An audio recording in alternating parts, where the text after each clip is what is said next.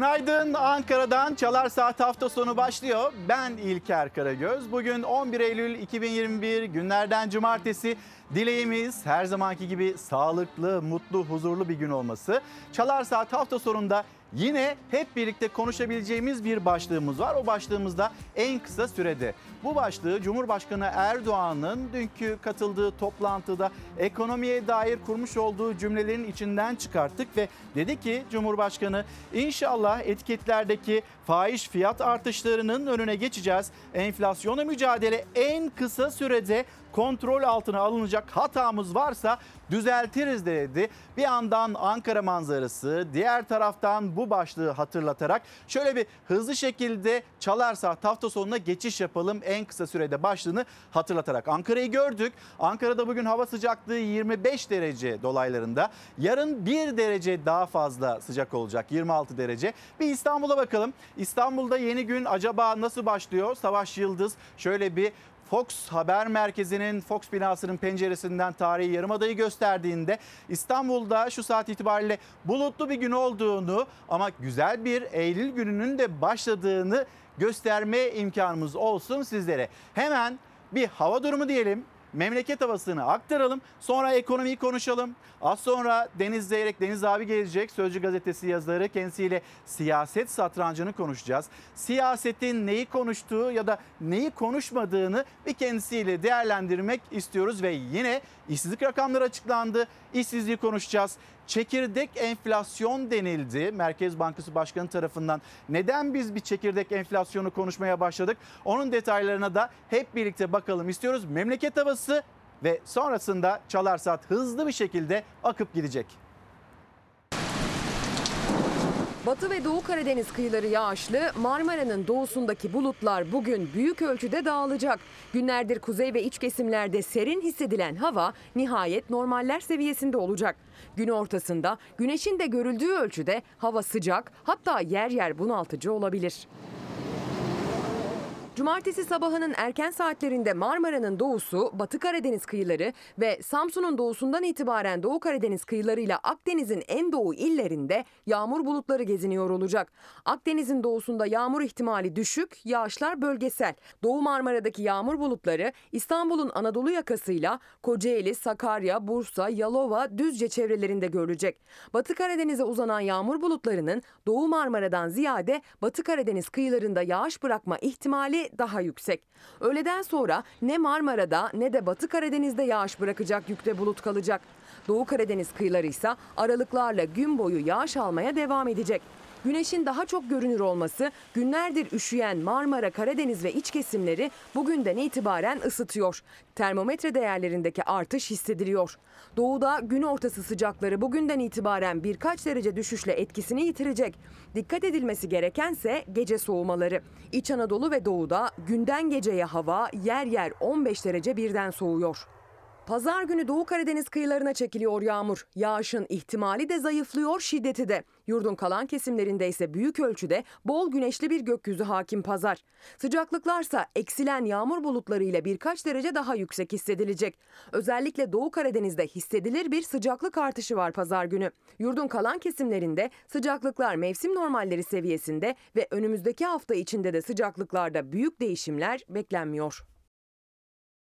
Memleketin havası böyle bir de siyasetin havasına bakacağız, ekonominin havasına bakacağız. Sizlerden gelen mesajlar var.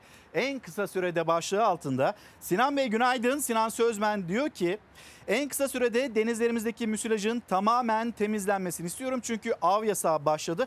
Aslında av yasağı kalktı 1 Eylül itibariyle.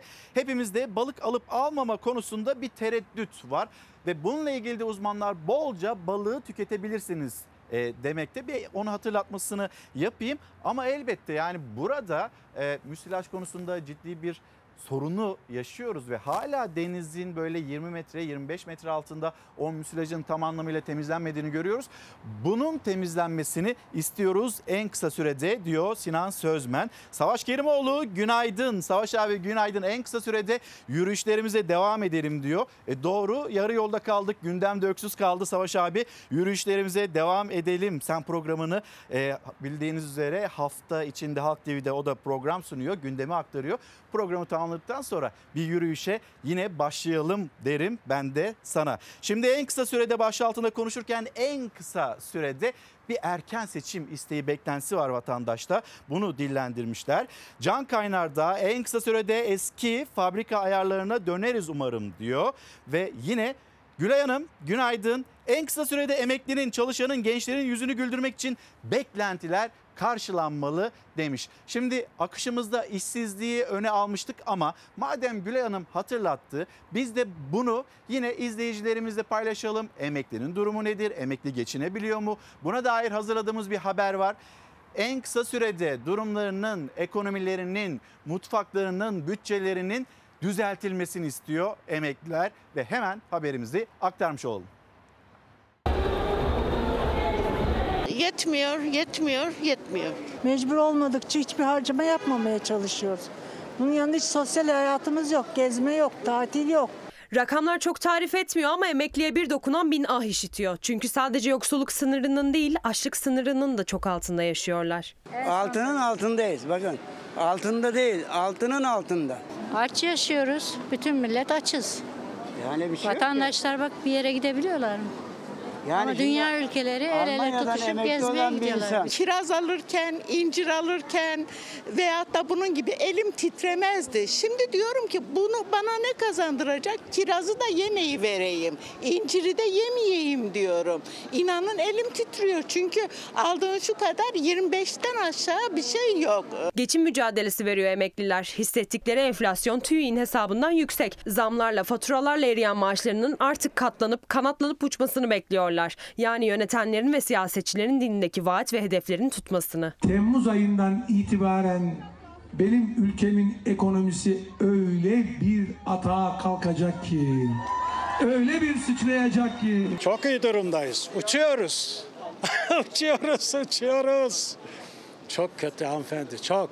Uluslararası Çalışma Örgütü ortalama emekli maaşını karşılaştırdı. Ülkelerin yoksulluk sınırı oranları ile bir sıralama çıkarttı. 32 ülke içinde Türkiye sondan 5. sırada. Sadece karın doyuruluyor, faturalar ödeniyor.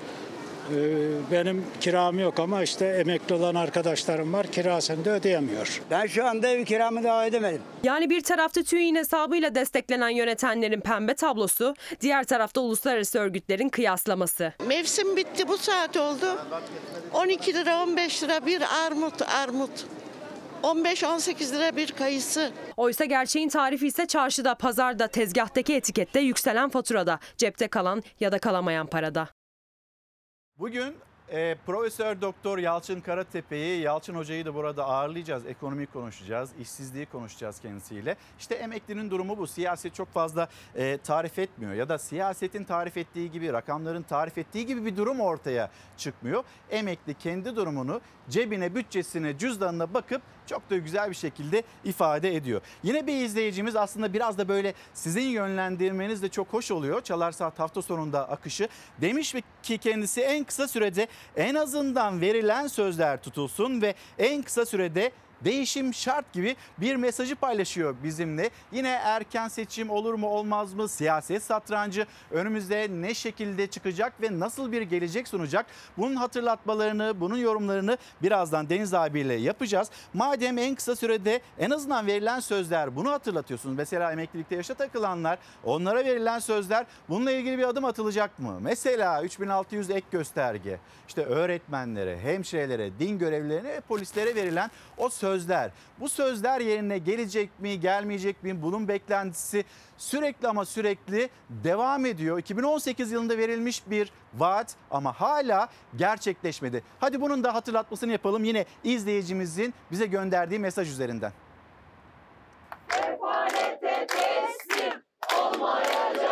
Emeklilik ek göstergelerini 3600'e çıkaracağız. Emeklisi gelen hiçbir arkadaşımız emekli olamıyor. Türkiye'deki durum ortada. Çocuklar okuyacak, eve ekmek gidecek. Ya bu Covid günlerinde bu kadar ağır çalışırken, kamuoyunun gözü bizdeyken biz kendimizi anlatamıyorsak, bunu alamıyorsak ya başka bir zaman nasıl alacağız? Vaadini bizzat verdik. Biz hangi vaadimizi vermişsek yapmışızdır, yerine getirmişizdir. Rahat ol. bir önceki toplu sözleşmede oluşturulan e, komisyonların aslında iki yıl boyunca hiç toplanmadığını da gördük. Sözleşmemizde kayıt altına alındı. Şimdi onun çalışma programını hazırlıyoruz. Sözü 2018'de seçim meydanlarında verildi. Memur sözleşmelerinde her iki yılda bir görüşüldü. Memurlarsa her fırsatta hatırlattı. Ama artık yorgunlar. Her gün hesap yapıyorlar. 3600 ek gösterge çıkarsa bugüne göre daha iyi koşullarda emekli olmak için. Şimdi ben hesap yaptım dün. Ben e, şu anda aldığım maaş 5800 falan. Bütün dönem sermaye Her şey, bütün gelirim ben. Ben emekli olduğumda 4000 lira alacağım. Ailemde ihtiyaçlı insanlar var. Yardım etmek zorundayım. Bu paralarla bizim yaşam şansımız yok. 3600 ek gösterge çıkmış olsa 4800 lira civarında bir e, emekli maaşı alacağım. 3600 ek gösterge meselesini söz verdiğimiz şekilde seçimden sonra ele alacağımız konulardan biri de budur. Sonrası da geçti. Siyaset çoktan yeni seçim gündemine, vaatlerine bile başladı. 280 bin polis, 1 milyon 100 bin öğretmen, 110 bin hemşire, 120 bin din görevlisi, yaklaşık 1,5 milyon kamu çalışanı hala önceki seçimin vaadinin yerine gelmesini bekliyor. Aslında biz devlet memurluğu yapmıyoruz. Biz seferberlik içinde çalışıyoruz. Yani burada gece hastaları biz eve yollamıyoruz. Sağlıkçılar uzun yaşamıyor biliyorsunuz. Neden? Mesleğin riski yüzünden yani. Kanserler çok fazla. Kanser çok fazla, uykusuz geçen geceler fazla. Geçen yıl izin kullanamamıştık. İzinlerimiz iptal edilmişti ve nefes alma ihtiyacımız elbette doğdu. Ee, dinlenebildik mi? Ee, tabii dinlenirken hep e, kafamızdaki hani bir ay sonra tatile harcadığımız o masrafı nasıl kapatacağımız endişesi de kafamızın bir kenarında hep vardı. Salgınla mücadele yorgunluğunu da geçti. Ayın sonunu getirememe derdi. Hemşire Fatma Aydın da bir türlü emekli olamıyor birçokları gibi. Emekli olduğumda maaşımın yet, yet- yetmeyeceği için ben onun üstüne bir emeklilik daha çalışıyorum burada. İşin en kötüsü şu, gençler bu olayın farkında değiller. Türkiye'de bu kadar işsizlik varken, açlık varken, yani bugünlerde işe başlamanın bir mutluluğu var onlarda. Farkında değiller. Ama o yıllar o kadar çabuk geçiyor ki, emekli olurken de yaşamınıza yetecek para olmadığını fark ediyorsunuz. Selma Hanım günaydın. Selma Öztürk göndermiş en kısa sürede e, virüssüz bir dünya özlemini dillendiriyor. Şimdi hemen isterseniz bir Sağlık Bakanı Fahrettin Koca'nın dün sosyal medya üzerinden yapmış olduğu açıklamaya bakalım. Sonra Türkiye'nin tablosuna bir bakalım ve birkaç dakika sonra da haberimizi detaylandırma imkanımız olsun. Vaka sayımız 23.562 dedi Fahrettin Koca. 257 olan can kaybımız e, evvelsi günden bahsediyor. Bugün 214 yani 10 Eylül 2021 tarihinde 214 vatandaşımız koronavirüs nedeniyle hayatını kaybetti. Vakaların seyrinde bariz düşüş yok. Can kaybı sayısındaki azalma şu an için umut verici ama bu yarın tersi de muhtemel bir durum. Salgın ortamında aşıyla geri dönüşü olmayan adımlar atmalıyız. Tedbirler yol arkadaşımız olsun bu çağrıyı dillendiriyor. Vakaların seyrinde bariz bir düşüş yok. Testlerin sayısında da bariz bir artış yok. Neden bunu söylüyoruz? Şimdi hafta başından bugüne kadar aslında işte okullar açıldı, ne bileyim bir dolaşım başladı. E, konserler, tiyatrolar, seyahatler. Burada böyle bir zorunluluk var. Test zorunluluğu ama bakıyoruz tabloya anlamlı bir test artışı görmüyoruz. 300 binin üzerinde ama daha fazla olması gerektiğini yine uzmanlar söylüyor. Bunun hatırlatmasını yapalım ve yine Fahrettin Koca'nın okullarda PCR testiyle ilgili bir açıklaması, bir e, değerlendirmesi var. Okullarda PCR testi olacak mı, olmayacak mı, nasıl olacak bir pilot uygulamaya geçileceğini söylüyor Sağlık Bakanı. Belirtisiz vaka yaygınlığını anlayabilmek için sınırlı sayıda okulda yapılacak e, bu testler verilerimiz önceden bilgilendirilip onayları istenecek. PCR taraması sağlıklı eğitim ortamının devamına ve olası hazırlığa yönelik çocuklarla en deneyimli arkadaşlar buluşacak hiç merak etmeyin canları acımayacak diyor PCR testi yapılırken bunun haberini aktaracağız. Gelelim o zaman ben hemen yönetmenimizden Savaş'tan rica edeyim. Korkusuz gazetesi, Korkusuz gazetesinin manşetiyle yavaş yavaş şöyle bir işsizlik başlığına geçelim. Dün işsizlik rakamları açıklandı takip edebildiyseniz. Edemediyseniz de şimdi o haberimizi paylaşacağız. İktidar ekonomimiz büyüyor, şahlanıyoruz diyor ama Temmuz'da 506 bin kişi daha işini kaybetti. TÜİK verilerine göre Temmuz'da işsiz sayısı 506 bin kişi artarak 3 milyon 902 bine yükseldi. İşsizler ordusuna her saat başı 708 işsiz daha eklenmiş oldu. Türkiye İstatistik Kurumu Temmuz ayına ilişkin işsizlik rakamlarını açıkladı. TÜİK'e göre işsizlik oranı Temmuz'da bir önceki aya göre 1.4 puanlık artışla %12'ye yükseldi. İşsiz sayısı bu dönemde 506 bin kişi artarak 3 milyon 902 bine yükseldi. Cumhurbaşkanının 1,5 milyon yeni istihdam yarattık söylemi hayal diyen CHP'li Veli Ağbaba Temmuz ayında her gün ortalama 17 bin, her saat başı ise 708 kişi işsiz kalmış oldu. Şırnak ilimiz kadar, Çorum ilimiz kadar yeni işsizimiz oldu. Veli Ağbaba'nın değerlendirmesi bu şekildeydi. Hemen bir bakalım siyasetten başkaca hangi yorumlar geldi aktararak ilerleyelim. Ağrı ilimiz kadar, Şırnak ilimiz kadar, Çorum ilimiz kadar yeni işsizimiz olmuştur. Haziran ayında işsizlikte 823 bin kişilik bir azalma olduğunu söyleyip işsizlik oranını 2,5 puan düşüren TÜİK işsizlik oranını 1,5 puan tekrar yükseltmiştir. İstihdam verileri hiçbir zaman bu kadar bir aydan öbür aya radikal bir şekilde değişmez. Böyle bir aydan öbür aya işsizlik verilerini bir anda zıplatan, bir anda indiren, bir anda kaldıran bir tutum sergiliyor. Biz bu TÜİK'e nasıl güveneceğiz? TÜİK işten çıkarma yasağının bittiği Haziran'da işsizliğin yaklaşık 2,5 puan düştüğünü açıkladı. Sonra yeniden yükseldiğini. İşsizlik oranı bir önceki aya göre %1,4 artarak %12'ye çıktı. TÜİK'in rakamlarına göre işsizliğin bir inip bir çıkması muhalefete bir kez daha rakamları sorgulattı. Geçen ay radikal bir şekilde bir ayda işsizlik oranını yaklaşık 2.1 puan düşürmüştü. Kamuoyundan çok ciddi tepki gelmişti. Nasıl bu kadar düşük işsizlik olur diye. Ve bunun üzerine zannediyorum şu anda TÜİK bir miktar itibar düzeltmek için işsizlik rakamlarını yeniden bir miktar daha doğrusu düzeltmiş oldu. AK Parti iktidarı TÜİK'in güvenilirliğini bitirmiştir. Bugün TÜİK tarafından açıklanan herhangi bir makroekonomik veriye Türk insanının da işverenin de, işçisinin de, çalışanın da, yatırımcının da hiçbir güveni kalmamıştır. Rakamlar tartışılırken bir de somut gerçekler var. TÜİK'e göre Türkiye'deki işsiz sayısı 3 milyon 902 bin. Bu saatte 708 kişinin işsiz kalması, günlük ise 17 bin kişinin işsiz kalmasına denk gelmektedir. Genç işsizliğe baktığımız zaman rakamın %35'lere kadar ulaştığını görüyoruz. Cumhurbaşkanının 1,5 milyon yeni istihdam yarattık söyleminin de ne kadar hayali olduğunu, gerçek dışı olduğunu bu rakamlar ortaya koymuştur. Muhalefet gerçekçi bulmadığı işsizlik rakamlarına bile tepkili. Bir yandan da gerçekleri saklıyor diyerek TÜİK Başkanı'nı istifaya davet etti. İki ay arasında %2,5, %1,5 gibi değişimler görüyorsanız işsizlik oranlarında o ülkede işsizliğin doğru bir biçimde ölçülmediğinden emin olabilirsiniz. TÜİK bu ülkenin itibarını hiç mi düşünmüyor? TÜİK Başkanı bu durumda derhal istifa etmelidir.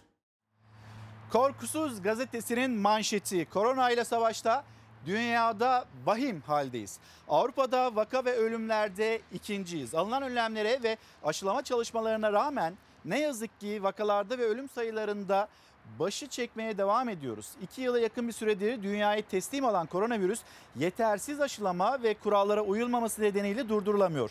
Arda arda ortaya çıkan yeni varyantların daha bulaşıcı olması da işleri kötüye götürüyor. Dünya nüfusunun daha %30'u aşılanırken Açıklanan son rakamlar Türkiye'nin salgınla mücadelede iyi durumda olmadığını ortaya koydu. Ülkemiz Perşembe günü 23.846 yeni vakayla Avrupa'da ikinci oldu. Aynı gün koronavirüse 500 e, 257 kurban veren Türkiye ölüm sayısında da Avrupa'da ikinci sırada yer aldı.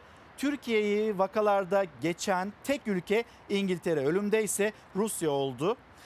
Ülkemiz dünyadaki ölüm sayısındaysa 10. sırada Avrupa'da vaka ve ölümde ikinci sıradayız. Korkusuz gazetesinin manşeti. Gelelim bir de Karar Gazetesi'ne bakalım. Karar Gazetesi'nin manşeti ne güzel demokrasi. Her gün 250'den fazla kişinin hayatını kaybettiği süreçte aşı karşıtlarının miting yapmasına izin verildi. Başka konularda gösterilmeyen ifade özgürlüğü hassasiyeti özellikle bilim çevrelerinde tepkiye yol açtı. Meydanlar Soma'ya, Çorlu'ya 1 Mayıs'ta kapalı. Aşıda çift var diyenlere serbest. Ne güzel demokrasi Karar Gazetesi'nin manşeti. 3 bilgiyi paylaşacağım. Bu bilgileri de Gazete Pencere'den paylaşacağım. BioNTech 5-11 yaş grubu için aşı izni isteyecek. Haberlerden, yeni bilgilerden birisi bu koronavirüse dair. Bunu hemen bir aktaralım.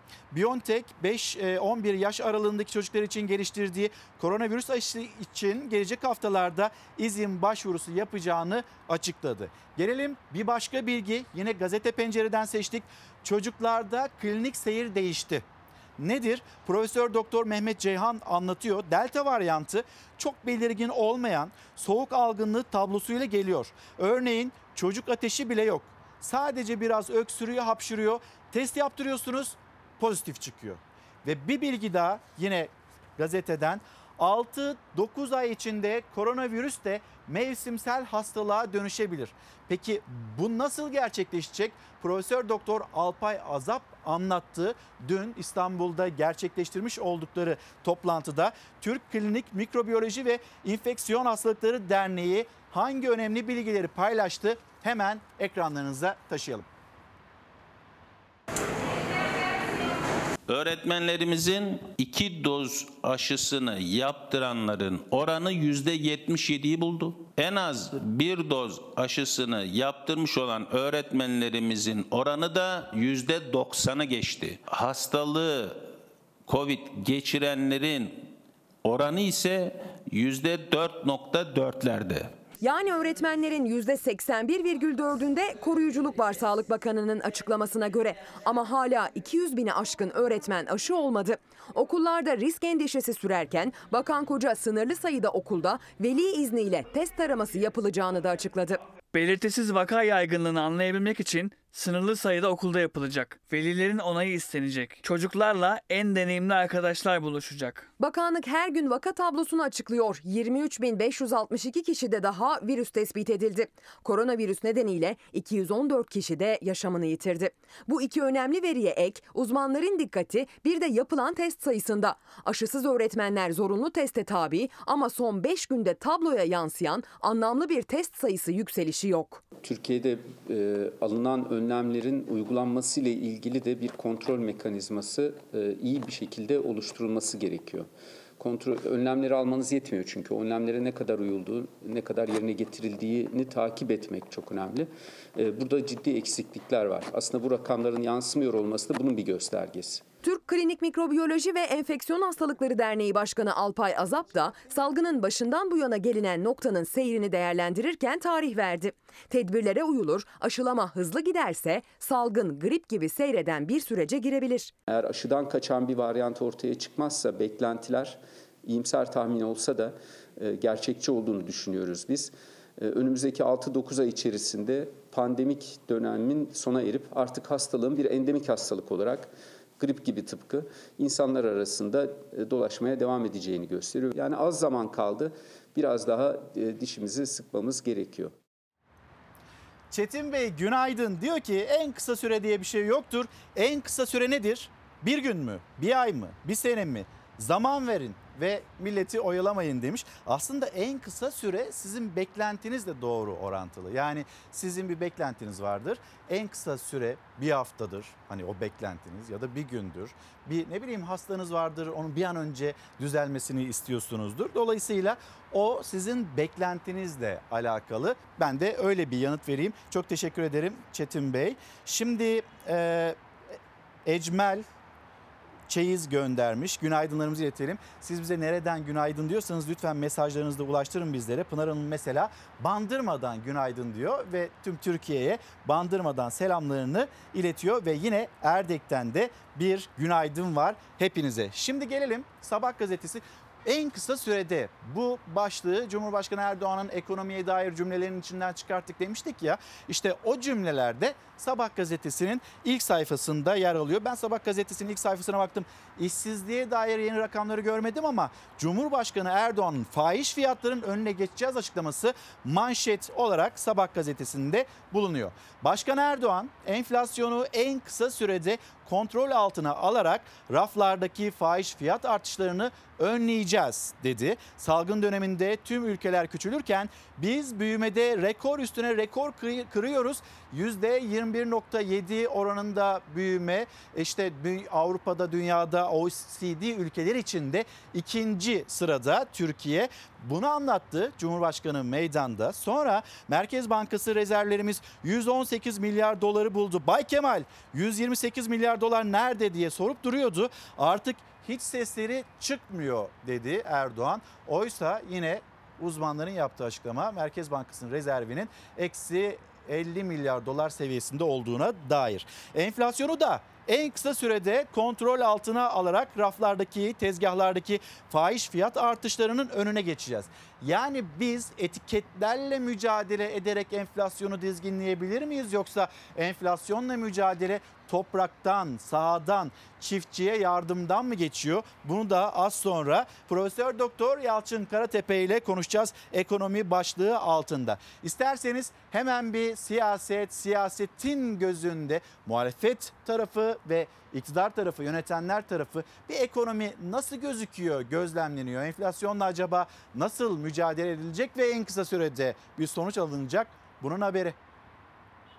İnşallah enflasyonu da en kısa sürede kontrol altına alarak raflardaki, tezgahlardaki, etiketlerdeki fahiş fiyat artışlarının da önüne geçeceğiz. Benim kenardaki param 80 milyon lira gitti. Firmalara da borcum var. Esnaf aç, çiftçi aç, halk zaten aç, her taraf aç. Türkiye aç. Biz patlama noktasına geldik. Krediler bıktı belimizi, bıktı. Maliyetlerdeki yükselişte hem fırsatçılarla mücadele ederek milletimizin refah seviyesini daha da yukarılara taşıyacağız. Sokağın nabzı ekonomiyle atarken Cumhurbaşkanı Erdoğan'dan enflasyon ve hayat pahalılığına ilişkin yeni bir vaat geldi. Ağustos enflasyonun 19.25 çıktı. Yıl sonu için %16 hedeflendi. Orta vadeli planda daha yeni açıklanmıştı. Erdoğan enflasyonu kontrol altına alacağız dedi. Hatamız varsa düzeltiriz. Ama Allah'ın izniyle Türkiye'yi 2023 hedeflerine ulaştırmadan son nefesimizi vermeyiz. Şu anda Türkiye'yi yönetenler çoklu organ yetmezliğiyle karşı karşıyadırlar. Bay Kemal 128 milyar dolar nerede?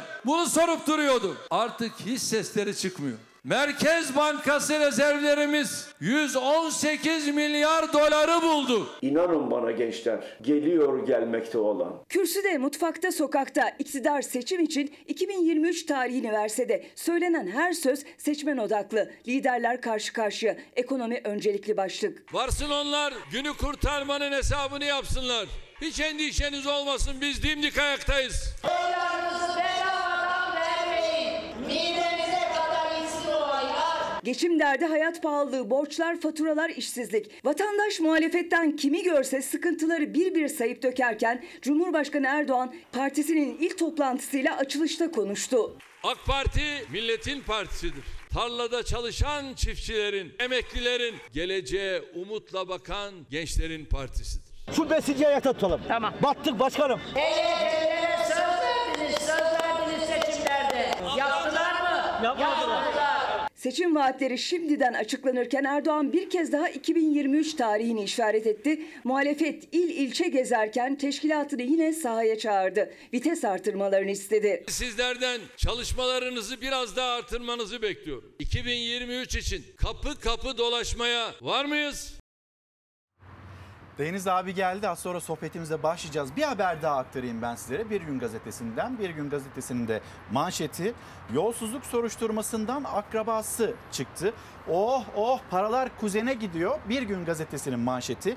SGK'daki 1 milyar liralık usulsüzlüğün altından İçişleri Bakanı Soylu'nun kuzeni Mehmet Soylu'nun ortak olduğu şirket çıktı. Bu manşetle okurlarının karşısına çıktı Bir Gün Gazetesi ve buna dair haberimiz de hazır. Aktaralım sonra Deniz abiyle de sohbetimize geçelim. Bir kanser ilacının gümrükten giriş fiyatı 468 lira, Türkiye satış fiyatı 21.693 lira. Kar marjı %4530.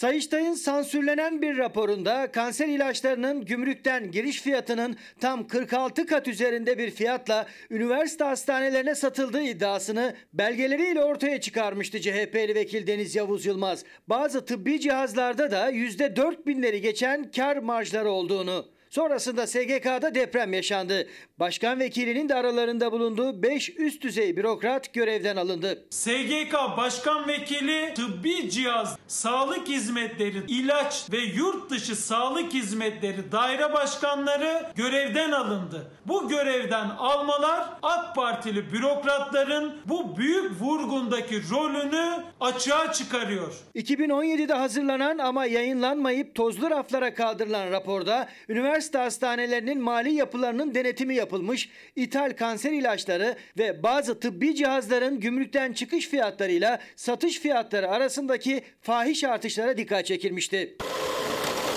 Sayıştay raporunun gün yüzüne çıkmasıyla birlikte daha önce başlatılan soruşturmaya hız verildi. Kilit görevlerdeki 5 üst düzey SGK yöneticisi görevden alındı. Bir medikal firmasının SGK'yı 1 milyar lira zarara uğrattığı iddiası üzerinde duruluyor. Büyük vurgunun sadece küçük bir kısmı. Görevden alınan SGK'nın bürokratları ilaç ve tıbbi cihazlarla ilgili olan ithalatla ilgili olan bürokratlar. Bakalım yürütülen bu soruşturma ne kadar genişletilecek, zararın boyutları nerelere kadar ulaşacak takipçisi olacağız. Soruşturmaların hepsini ben başlattım. 7 müfettişe ben soruşturma görevi verdim. Benim görevden alınmam tamamen takdir. Görevden alınan SGK Başkan Vekili İsmail Yılmaz, Sözcü gazetesine yaptığı açıklamada soruşturmayı zaten ben başlatmıştım diyerek savundu kendisini. Ama Yavuz Yılmaz'ın da söylediği gibi soruşturma derinleştikçe ucu nereye uzanacak merak konusu. Sözcü gazetesi yazarı Deniz Zeyrek şu anda yanımda. Deniz abi günaydın. Günaydın Hoş İlker. geldin. Şimdi siyaset satrancını konuşacağız. Hatta bugün yazdığın yazı belki bunun üzerinden de biraz geçeriz. Seninle birlikte bir gazete okumak istiyorum. Olur olur. Onları birlikte bir okuyalım. Bir gündem değerlendirmesi Bu, yapalım. ara, bugün bu arada başlarımız- bayağı soğudu değil mi buralar? Bugün artık yani Kazak yavaş yavaş Eylül kendisini mı? hissettiriyor. Bir Ha. serinlik var değil mi? Evet evet. Ne Kazak. yaptın şöyle bir hafta içinde bir dolaştın geldin memleketten hangi İzmir, İzmir'e gittik 9 Eylül. e, 9 Eylül kutlamaları vardı. Çok iyiydi ya. Ben ilk defa 9 Eylül'de İzmir'e gittim biliyor musun? Bu yaşıma kadar. Sonra utandım kendimden de. Nasıl peki? O ya şöyle nasıldı? şimdi birçok şehrin kurtuluş töreni olur yani. Evet. Vali, protokol, işte lise öğrencileri, ortaokul öğrencileri şiirler okurlar ve bir şeyler anlatırlar. Geçerler biter yani. Çelenk koyarlar. İzmir öyle değil yani. İzmir acayip. Ee, İzmir'de böyle günler süren bir kutlama var. Ama hak ediyor, şu açıdan hak ediyor. Çünkü İzmir'in kurtuluşu, Türkiye'nin kurtuluşu, Anadolu'nun kurtuluşu. Yani bütün şehirlerin kurtuluşu. Kars'ın da 26 kurtuluşu, Ağustos'ta Hakkari'nin de- başlayan 9 Eylül'e kadar devam eden Devam on sonra da devam ediyor biliyorsun. 13'ünde Çeşme, Karaburun oralarda da 13'üne kadar çatışmalar devam ediyor. Son kurşunun adreste mesela Evet, Bandırma. Evet. Yani o müthiş etkilendim gerçekten. Bir de cıvıl cıvıl da öyle bir program yapmışlar gelmiş ki sana. konserler, işte e, etkinlikler, bir de uluslararası toplantı vardı. E, o, o fotoğraf da hoşuma gitti. Bugün onu yazdım. Yani Kültür Bakanı, İstanbul Belediye Başkanı, İzmir Belediye Başkanı, Konya Belediye Başkanı uluslararası bir toplantıda yan yana oturuyorlardı. E, demek ki kıyamet kopmuyormuş. Böyle bir fotoğraf ortaya çıkabiliyormuş memleket. Ama yine de bazıları böyle Atatürk'ü silah arkadaşlarını anmadan kurtuluş mücadelesini anlatmaya Bazıları devam deme. Ali ediyor. Erbaş diye doğrudan söyle. Niye bazıları diyorsun Hayır ki? şöyle bazıları derken hani bir kişiye yani bir kişiyle sınırlamak istemiyorum. Ha, Önceki meclis Tamam, ama başkanı sembolü olarak 19 Mayıs'ta Samsun'dan hareket eden heyet falan da dedi ya hani böyle Evet, hani evet. kendiliğinden bir Onu da heyet söyle hareket İsmail etmiş Karaman gibi. diye. Niye önceki? Diyelim yok hayır o başlığa Yani geleceğim. Daha önceki Orada meclis başkanlarına haksızlık olmasın. Orada tane tane ilerleyelim istiyorum. Çünkü Ali Erbaş üzerinden siyasette bir tartışma devam ediyor. Şuraya gelelim. Siyaset satrancından önce az önce bir haber vardı. Evet. Ee, onu izledik. En kısa sürede bugün de başlığımız en kısa sürede diye başlasan devamını nasıl getirirsin? Belki o haberle de Bu bağlantılar. soruşturma sonuçlansın en kısa sürede. Milletin tüyü bitmemiş yetiminin hakkı ortaya çıksın. Nereye savrulmuş, nereye verilmiş çıksın. Çünkü bu ciddi bir soruşturma. 1 milyar TL. Yani dün bizim Erdoğan Süzer'in haberi vardı Sözcü'de bilmiyorum gördün mü? Ee, çok güzel bir değerlendirme yapmış. Ee, görevden alınan başkan vekili 7 müfettiş atamış bu soruşturmaları e, başlatan adam. Yani niye alıyorsunuz adamı görevden? Niye adamı zanlı gibi gösteriyorsunuz? Çok büyük bir şey var orada biliyor musun? Sağlık Bakanı'nın uyarısıyla başladı diyor ya bazı haberlerde. Sağlık Bakanlığı neyi uya- uyarmış biliyor musun? Bir böyle e, yapıştırıcı gibi bir şey cerrahi operasyonlarda kullanılıyor. Çok teknik şeyine girmek istemem ama doktor izleyicilerimiz yazabilir. Onu SGK'nın e, şeyine sokmuşlar. Karşıladığı e, İlaç sarf, listesine. sarf malzemelerine sokmuşlar. Ve Sağlık Bakanlığı buna gerek yok diye açıktan rapor düzenlemiş. Buna rağmen 400 milyon civarında bir ödeme yapmış SGK. İnsanlar ne durumda? Emekli Düşün. geçinemiyorum diyor asgari ücret. E, onunla çalışan insan geçinemiyorum diyor. Çarşı Ara- pazara bak. işte Her tarafta O ciddi bir şirket pahalılık. mesela o şirket araştırılmalı. O şirkete bu imtiyaz niye sağlandı? Sağlık Bakanlığı'nın gerek yok dediği o sarf malzemesine neden SGK 400 milyon ödeme yaptı? Bu araştırma bu çok büyük bir skandal. Yolun başına dönelim. Sayıştay raporu Tabii. 2021'de öğreniyoruz. 2019'un raporu. Tabii. Arada geçen yıllar işte 1 liralık malzeme atıyorum. 1 liralık malzeme 100 lira. İşte tıbbi cihazlar, Tabii, tabii. onlarla Neler ilgili neler. fahiş fiyatlar. Bir tarafta da tıbbi cihaz e, satıcıları biliyorsun medikalciler devlet hastanelerinden, üniversite hastanelerinden paralarını alamıyorlar diye perişan oluyorlar. Onu paylaşalım mı? Ee, medikal sektörü eyleme çıkacak, iflasa sürükleniyoruz diyor onlar. Tıbbi, tüm tıbbi cihaz üretici ve tedarikçileri dernekleri Federasyonu Başkan Yardımcısı Erkin Delikanlı. Çıkış noktamız kalmadı. Muhataplarımıza saygımızı, sevgimizi bozmadan, zinciri kırmadan elimizden geleni yapacağız. Ancak bu iş sivil toplum örgütlerinden çıktı. Siyasi olarak bir çözüm bulunması gerektiğini düşünüyoruz. Böyle giderse bakanlıklara sadece siyah çelenk değil, firmalarımızın anahtarlarını da bırakacağız. Böyle bir sorun İşte yaşıyorlar. düşün bak mesela sektörün geneli bunu yaşıyor ama bir şanslı şirket gidiyor e, kullanılmasının Sağlık Bakanlığı tarafından kullanılmasına gerek yok şart değil denilen şeyi sarf malzemesini 400 milyon liralık sarf malzemesini SGK'ya ödettiriyor. Nasıl oluyor abi? Bu nasıl bir ayrı- ayrımcılık? Nasıl bir ayrıcalık?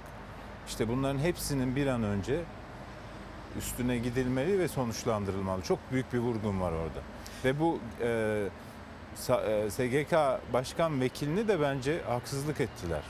Belki de tekere çomak soktuğu için görevden aldılar bilmiyorum. Ben öyle hissettim yani. En kısa sürede bu soruşturma neyse bürokratlar neden alındıysa bu soruşturmanın da tamamlanması. Bir temenni iletelim. Neyle devam edelim Deniz abi? Sen seç. Evet. Vallahi şimdi siyaset satrancı bunu konuşacağız. Cumhurbaşkanı Erdoğan'ın Sabah gazetesinde Savaş sana zahmet bir açıklaması var. Hemen bir onu e, izleyicilerimizle paylaşalım. Deniz abi de ne düşünüyor onu da konuşalım istiyorum. Başkan Erdoğan Kahramanmaraş'taki genişletilmiş il danışma toplantısında konuştu. Afetlerde vatandaş can ve mal derdindeyken muhalefet istismar peşinde koştu. Afetler meselesinde sınıfta kaldılar. CHP yalandan iktidar devşir, devşirmeye çalışıyor. Kim sınıfta kaldı? Vallahi hiç öyle değil. Yani işte ben Bayraklı Belediyesi'ne gittim. Biliyorsun o İzmir depremi en çok Bayraklı Evet. civarını vurmuştu. Ee, bayağı çalışıyorlar yani. yani hala e, yardım kolileri dağıtıyorlar depremzedelere. Hala depremzedelerin temel ihtiyaçlarını karşılamaya çalışıyorlar. Ee, o, o binaları ayağa kaldırmaya çalışıyorlar, yıkmaya çalışıyorlar. Yani Yangın bölgesine gittim Deniz abi. Biz o orada yangın... da orada da belediyeler yani o kadar vatandaşla konuştuk. Kimse de bize kalkıp ya e, Orman Bakanı geldi her şeyi halletti demedi. Herkes şunu söyledi. İşte İstanbul Büyükşehir Belediyesi buradaydı. İzmir Büyükşehir Belediyesi buradaydı. İşte Mersin'de, e, Manavgat'ta Ankara Büyükşehir Belediyesi buradaydı diye vatandaş söylüyor. Vatandaş görmüş yani. E, niye bunu görmezden geliyorlar ki ben anlamıyorum yani. Bir tarafı yangın felaketi, diğer tarafı sel felaketi. Biz bunları neden yaşadık? Şeyde yangın- e. Bozkurt'ta Kastamonu'da İlker kim vardı biliyor musun? Beşiktaş Belediyesi vardı. Kartal Belediyesi vardı. Evet. Evli, o çamurları temizliyorlardı ya. Nasıl yerel yönetimler sınıfta kaldı? Gerçek gerçek mi bu şimdi yani? Yani hani dere yatağına evlerin yapılmasına, o imarlaşmaya izin verenler değil mi?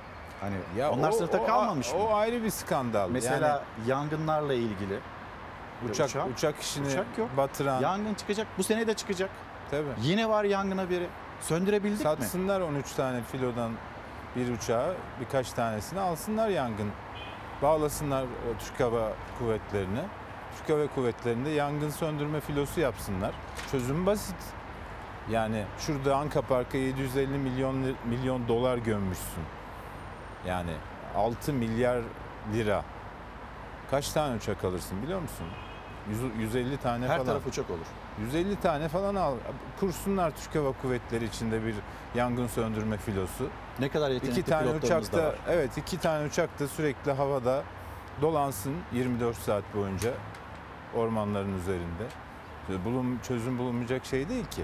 İş e, siyasete gelince yerel yönetimlere çamur at. Yerel yönetimler beceriksiz. Öyle değil. Vallahi çatır çatır çalışıyorlar. Yani sadece onlar değil AKP'nin belediyeleri de çalışıyor yani. Gaziantep'te çalışıyor, Konya'da çalışıyor. Haksızlık etmemek Yani lazım birini yani. diğerinden ayırmadan Tabii, bir tabii. dayanışma Tabii, halinde yani- aslında belediyeler onlar da taşın altına ellerini koydular ve çalışıyorlar. Tabii ki. Yani bu parti ayrımı da yapmıyorum ben. Yani git Fatma Şahin de çalışıyor Gaziantep'te ama İzmir Büyükşehir Belediye Başkanı Tunç Soyer de çalışıyor. Adana'da çalışıyor, Mersin'de çalışıyor.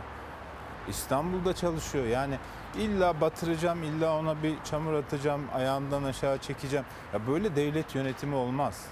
Yani Ankara'daki hükümetin yerel yöneticileri başarısız olsunlar diye elinden geleni yaptığı bir şey e, vatan sevgisi olamaz yani. Başka bir şey bence. Deniz abi şimdi bir molaya gideceğiz. Döndüğümüzde Sözcü Ga- gazetesinde Erdoğan Bayraktar hani isyan ediyor, feryat ediyor, beni yeniden yargılayın diyor. Beni işte diğer Evet. üç bakanla yan yana koymayın diyor. Döndüğümüzde hem bu haberi okuyalım hem de hani bu konuyla ilgili e, senin düşüncen ne ve Ben ne önümüzdeki demiştim günlerde biz Geçen hafta tam bir Karadenizli Erdoğan Bayraktar. Laz uşağı yani. durmuyor, itiraz ediyor. Sonuç alana kadar bu isyanla devam edecek. Efendim şimdi bir mola verelim. Döndüğümüzde hem bunu konuşalım hem de siyasette Diyanet İşleri Başkanı Ali Erbaş, Ali Erbaş'ın kurduğu cümleler var. Onu bir değerlendirelim. Sonra da siyaset satrancı deriz Deniz abiyle, Deniz Erek'le birlikte. Mola dönüşte buluşalım. Sağlık sektöründeki sağlıksız işler en kısa sürede sonlanmalı demiş Murat İde ve bizlere de iyi yayınlar dilemiş. Günaydınlarımızı iletelim Ee, Murat İde'ye. Deniz abi Sözcü gazetesine bir dönelim. Ee, Sözcü gazetesi yazarı Deniz Zeyrek'le sohbetimiz devam ediyor. Manşet 17-25'te adı geçen eski bakan Erdoğan Bayraktar'dan hırsız çuvalı bombasından sonra yeni bir bomba daha. Tarafsız bir savcı çıksın, dosyayı incelesin, Yüce Divan'a gitmekten korkmam. Benim dosyamda ne varsa doğrudur diyen Bayraktar şimdi de meydan okudu. Benim 8 yıldır boğazımda bir düğüm var. Yutamıyorum, yutkunamıyorum. Boğazımda bir düğüm var diyor. Peki bu nasıl ilerleyecek? Ya da bir savcı çıkacak da bu konuyla ilgili bir adım atılacak mı, atılmayacak mı? Muhalefette böyle bir beklenti var. Ne dersin abi? Şu an bu iktidar döneminde atmaz tabii. Yani e, ya şöyle bir durum var şimdi biliyorsun ilk önce 3 bakanla ilgili bir şey olmuştu. Sonra e, Erdoğan Bayraktar'la ilgili bir başka bir operasyon olmuştu. E, ikisinin arasında çok büyük farklar vardı. Yani bir tanesinde rüşvet vardı, irtikap vardı bilmem hani o tür iddialar vardı. Burada e, o yetki imar yetkisinin e, ranta çevrilmesine dair iddialar vardı. Mesela İstanbul e, Büyükşehir Belediyesi'ne ait olan otobüs e, park alanını e, özelleştirmişlerdi ve oraya devasa bir alışveriş merkezi kondurulmuştu. Mesela bunu niye yaptın diye hesap soruluyor Bayraktar'a. E, o da diyor ki ben yapmadım ki diyor. Ben karşı çıktım. Özelleştirme İdaresi Başkanlığı yaptı diyor. Gidin onlara sorun ve onlara talimat verene sorun. O dönem hatırlıyorsan e, Efkan hala bir şeyler imzalatmaya çalıştırmış kendisine. Ona isyan edip NTV televizyonuna bağlanıp ben ne yaptıysam talimatla yaptım kardeşim demişti. Şimdi dolayısıyla bu devam edecek. Erdoğan Bayraktar şu anda işte inşaat işleri yaparak e, para kazanmaya çalışan, kendi şirketini e, işte yürütmeye çalışan, e, siyasetten tamamen kopmuş, hatta AK Parti'den dışlanmış bir isim. Belki de bu yüzden cesaret bulup konuşuyor. Belki de bu yüzden hani artık vicdanının sesini dinliyor. Bana öyle geldi çünkü. Hatta Ankara'da falan yaptıkları bir takım işlere zorluklar çıkarmışlar. İstanbul'da yaptığı bazı işlere zorluklar çıkarmışlar. Ee, Ona isyan da olabilir. Yani ben bu, bu hükümet için, bu parti için bu bedeli ödedim. Bana bunu niye yapıyorsunuz ben de konuşurum gibi bir mesaj da veriyor olabilir. Ama kesin olan bir şey var susmaz artık. Benim tanıdığım Erdoğan Bayraktar susmaz. Bunların hepsini çıkar böyle anlatır. Mesela Fikret abiye konuşmuş burada da. Öncekinde de ben de konuştum. Bana da o zaman ben bunu yutmak istemiyorum diye açık açık söylemişti. Burada aktardım hem köşe Evet. yazıma da yazmıştım. E, Dolayısıyla bu şeyler çıkacak. Yani bu, bu şimdi 28 Şubat davasını FETÖ'cüler açmamış mıydı? 28 Şubat davasına uyduruk belgeyi FETÖ'cüler koymamış mıydı? 28 Şubat davası yeniden mi açılıp yeniden mi görüldü, yeniden mi sonuçlandırıldı? Hayır. Mevcut başlayan soruşturma devam ettirildi. 80 küsür yaşındaki adamlar cezaevine atıldı. E şimdi 17-25'i de FETÖ'cüler başlattı diye oradaki iddialar tamamen yalandır, uydurmadır vesaire mi diyeceğiz? Doğru söylüyor. Bağımsız bir, e, tarafsız bir savcı çıksın, o iddialara baksın. Adam para sayma makinalarıyla yakalandı. İçişleri Bakanı Süleyman Soylu da Habertürk'teki yayında onu hatırlattı. Kendisinden önceki İçişleri Bakanlarından Muammer Güler'in oğlundan bahsetti.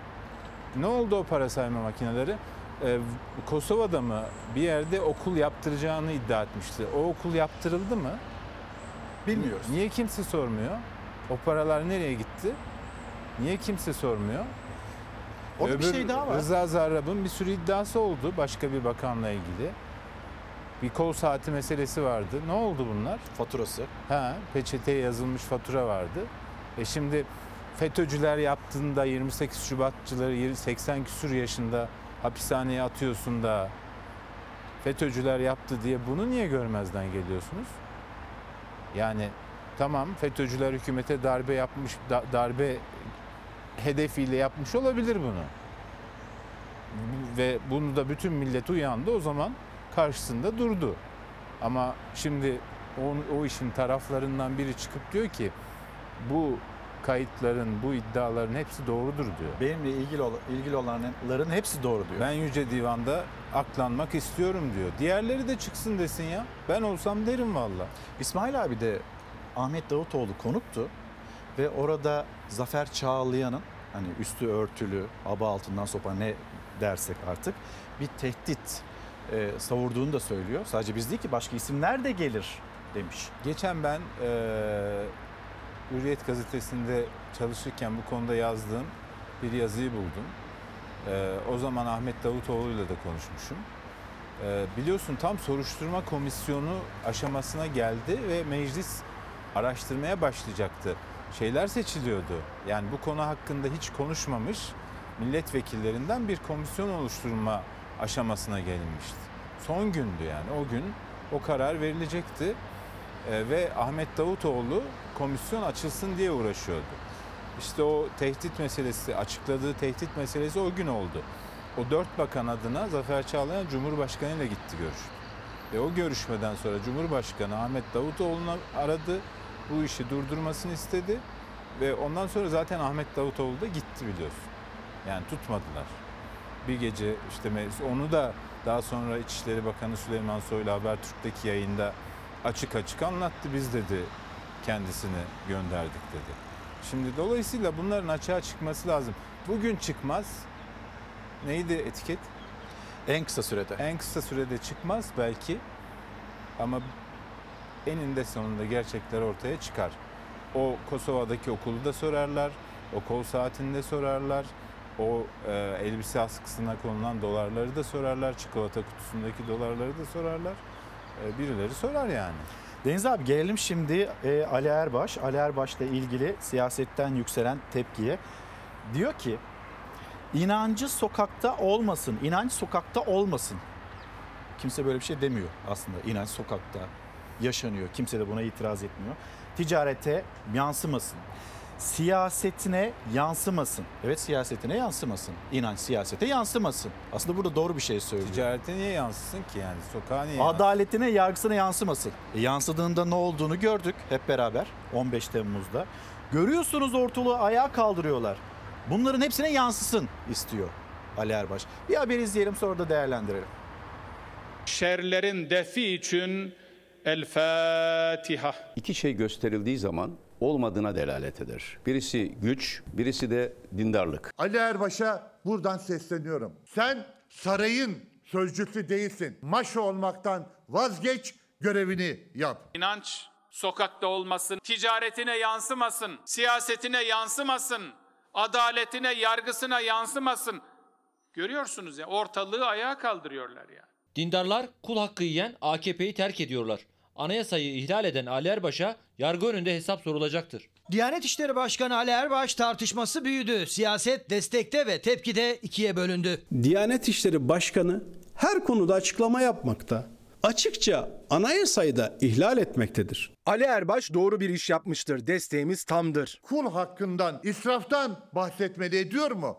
Etmiyor. Görüyorsunuz ya ortalığı ayağa kaldırıyorlar ya. Bir din istismarıdır. Çok açık, çok tehlikeli ve AK Parti yönetimine de hiçbir fayda sağlamaz. Türkiye'de laikliği çekerseniz Afganistan kalır, Taliban kalır. Cumhur İttifakı'na destek veren Perinçek Ali Erbaş'a tepkiyle kalmadı, AK Parti'ye de sert çıktı. İttifak ortağı Bahçeli ise tepkilere kızdı, Erbaş'a sahip çıktı. Bahçeli de Erbaş üzerinden başlayan din sömürüsü ve laiklik tartışmasında eleştirilerinin hedefi oldu. Öyle bir noktaya gelmişlerdir ki Atatürk'e ve laikliğe savaş açıldığını iddia edecek kadar izan ve insaflarını kaybetmişlerdir. Bir taraftan Atatürk diyeceksin, diğer taraftan Atatürk'ün ismini anmayan Diyanet İşleri Başkanlığı destekleyeceksin. Sayın Bahçeli'yi de milletin vicdanına havale ediyoruz. Diyanet İşleri Başkanı Ali Erbaş siyasi tartışmaların odağına otururken gözler iktidarda.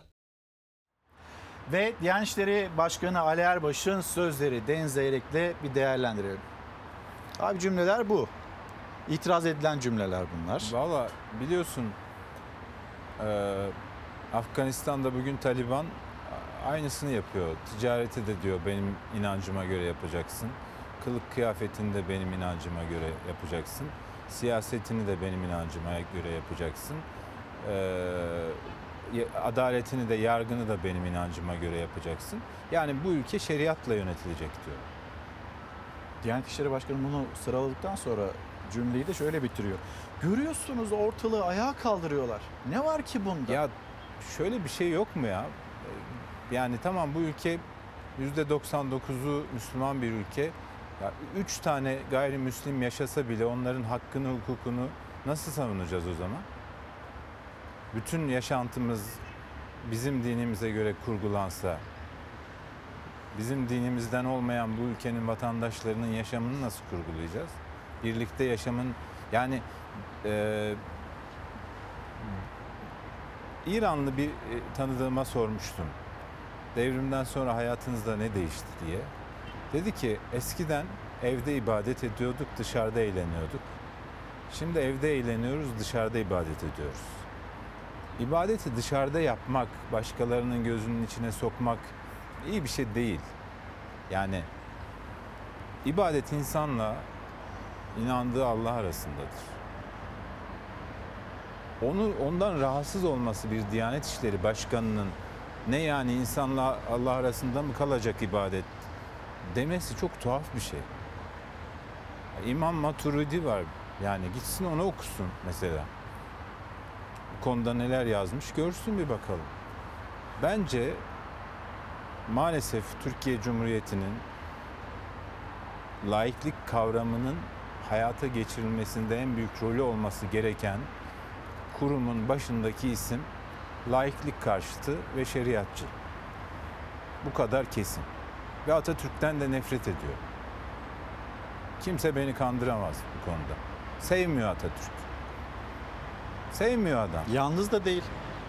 Ya var olabilir ama bu ülkede Atatürk'e gönül vermiş, Atatürk'ü baş tacı yapmış milyonların yanında e, devede pire bile olamazlar. Sayılar Orası- o kadar bile olamazlar. orası yani yüzde yüz. Orası yani kesin. hiç kusura bakmasınlar. Ben Atatürk'e hak yani üstelik Kurtuluş Haftası'ndayız yani.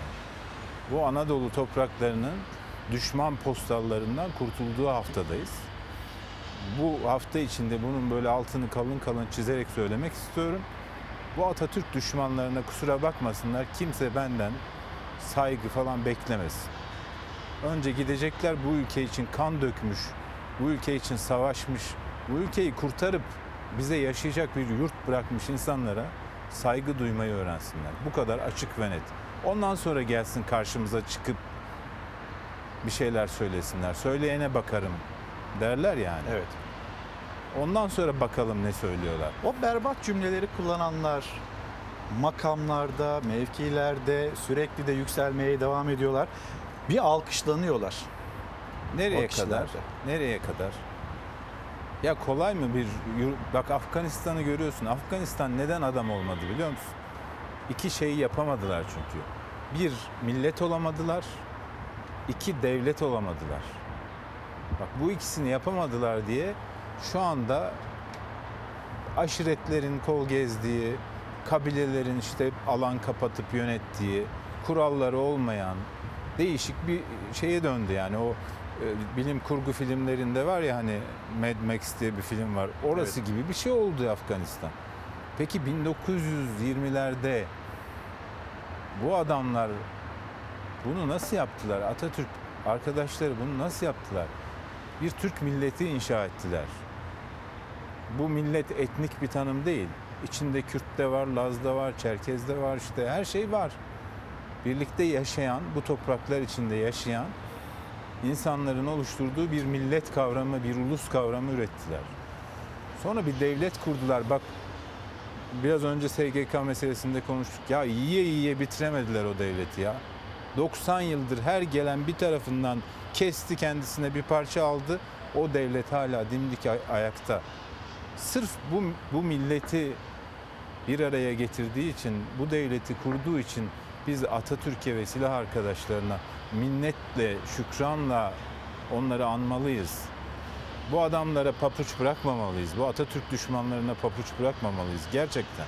Ya öyle duygu sömürüsü falan yapmak için söylemiyorum bunları. Sen de öyle kolay kolay masaya Yaşa- falan vurmazsın. Yaşadığımız ülkenin, yaşadığımız yurdun, toprakların kıymetini bilelim. Bak 50 tane hükümet geldi geçti. 60 küsür şu anda. Hala dimdik ayakta ya 1920'de şu ulusta temeli atılan bu ülke hala dimdik ayakta.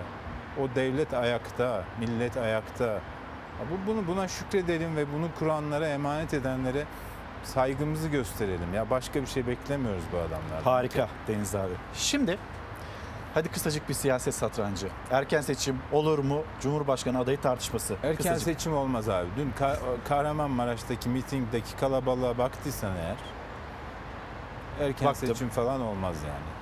Böyle kamera hilesiyle falan kalabalık gösterilmeye çalışan. Şimdi yatay çekim, dikey çekim diye bir yayın yapmıştık da. Kimdi o?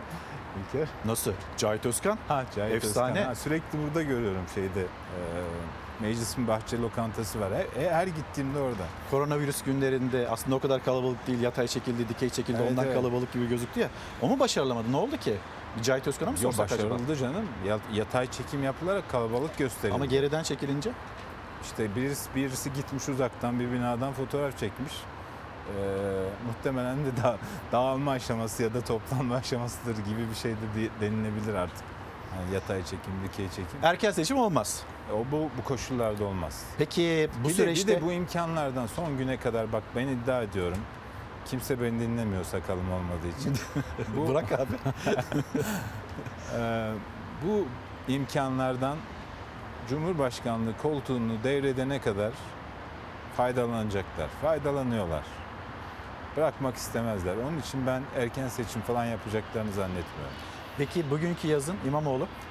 İmamoğlu Cumhurbaşkanı olacak mı olmayacak mı tartışması var. Ali Aydar Fırat biliyorsun politik yolda bir Röportaj yaptı. röportaj yaptı. Politikyol.com bu aralar biraz hareketlendi bayağı. Çok iyi yazarlar falan var orada. Ee, şöyle dedi, ben tarihe İstanbul'un en iyi başkanı olarak geçmek istiyorum dedi. Yani 5 yıllık bir süre biliyorsun Cumhurbaşkanlığı 4. yılda. Evet. Ya bu, bu- bu bana biraz böyle devam etmek istediği gibi öyle yorumladım. Bunun altında da şunun olduğunu düşünüyorum. Ee, Ekrem İmamoğlu e, iki yıl sonra yetkilerini devredip sembolik bir cumhurbaşkanına dönüşerek daha 55 yaşında 58 yaşında siyasi kariyerini e, sıkıntıya sokacak bir siyasetçi profili değil.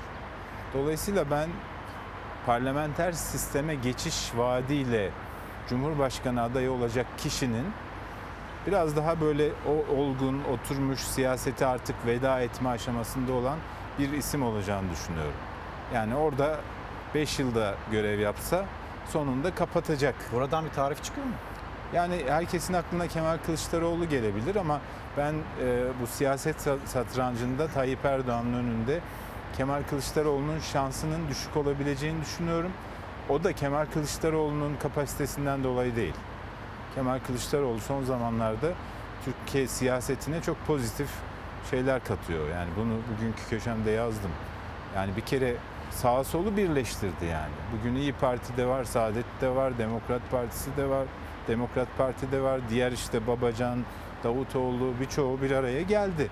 O açıdan iyi şeyler yapıyor ama maalesef seçim ortamına girdiğimizde rakibi e, etnik ve dini propaganda üzerinden yenmeye çalışacak ve e, ülkemizde de bu hep tutuyor. Deniz abi, şimdi bugün için noktalayalım. Yarın sosyal medya düzenlemesi meclis açılacak gündemimize gelecek. Neyi getirecek bizim karşımıza? Bir onu konuşalım. Bir de %7 barajı. Ama bu başlıkları bir de ekonomiyle ilgili seçmiş olduğum hafta içinden cümleler var. Onları yarına bırakalım.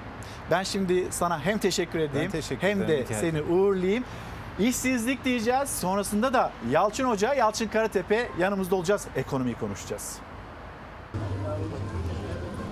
Ben şu an 20 yaşındayım. Üniversite mezunuyum ama iş bulamıyorum. Yani ailem şu an eskiden tek maaşla evler geçinirken biz şu an hani iki maaşla bir ev geçinemiyor. Canan Pehlivan TÜİK'e göre Türkiye'deki 3 milyon 902 bin işsizden sadece biri. Üniversitede okuyordu. Yaşadığı ekonomik zorluklardan dolayı eğitimini yarıda bırakmak zorunda kaldı. Hayali mimar olmaktı. Şimdi ailesini geçindirebilmek için herhangi bir iş bulmaya çalışıyor. Canan Pehlivan gibi milyonlarca işsizin arasına sadece bir ayda yarım milyon kişi katıldı TÜİK verilerine göre. Çok doğru olduğunu düşünmüyorum. Rakamlarla da oynandığını düşünüyorum. Yani insanlarımızın da kandırıldığını düşünüyorum şahsen. Çünkü kimse halkın içinde hani ne olduğunu görmüyor. Ekonomi şahlandı falan yok yani böyle bir şey. Her şey zam, her şey pahalı. TÜİK Temmuz ayının işsizlik rakamlarını açıkladı. İşsizlik oranı bir önceki aya göre %1,4 artarak %12'ye çıktı. Geniş tanımlı işsizlik ise %1,2 artarak %23,6'ya yükseldi. Bu salgın kapsamında getirilen işten çıkarma yasağının kaldırılmasının ardından açıklanan ilk veri. Mayıs ayında %13,2 olarak açıklanan işsizlik oranı Haziran'da 2,1 puan düşmüş. Son 3 ayın en düşük işsizlik oranını açıklamıştı TÜİK beklenmedik bir şekilde. Çok acayip güzel bir tablo çizmişti hükümet.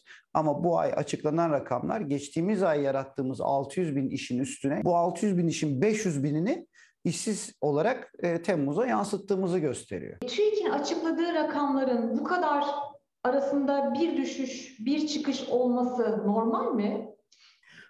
Birincisi tab- tabii ki normal değil. Garip rakamlarla karşı karşıya kalıyoruz. Bence kesinlikle yanlış yani. Bilmiyorum nasıl yapıyorlar, nasıl hesaplıyorlar bilmiyorum ama benim sınıfımda şu anda herkes işsiz neredeyse. Ne mezunsun? Diyetisyenim ben, yüksek lisans yapıyorum aynı zamanda ama işsizim. Ne yapacağımı bilmiyorum artık başka işlere de yönelmeye başladım. Şimdi hatta girip onu söyleyeceğim.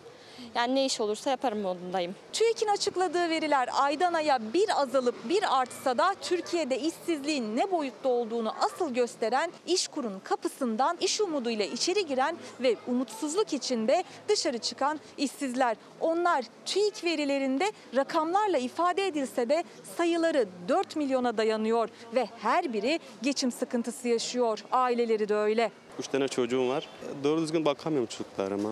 Duygu faturalarımı ödeyemiyorum. Gidip çocuklarımın yüzüne bakamıyorum. Bir şey istedik, bir şey isterler diye korkuyorum. Uzmanlara göre aylık işsizlik oranlarında bu ölçüde dalgalanmaların olması imkansız. TÜİK'te aslında bize aylık yayınladığı rakamları çok da ciddiye almamamız gerektiğini söylüyor. Sanayide 300 bin kişi işe almış Haziran'da. Temmuz'da 287 bin kişi işten çıkartmış. Yani bu Hani bu, bunu izah edebilmek çok kolay değil. Sanayi istihdamında büyük bir kayıp yaşandı. Artan işsizliğin yarıdan fazlası sanayi sektöründe ve istihdam verileriyle karşılaştırılınca rakamlar yeni soru işaretleri doğuruyor. Şöyle bir şey olması mümkün mü? Yani ben üretimimi arttıracağım diyor sanayici. Bir ayda 300 bin kişi işe alıyorlar.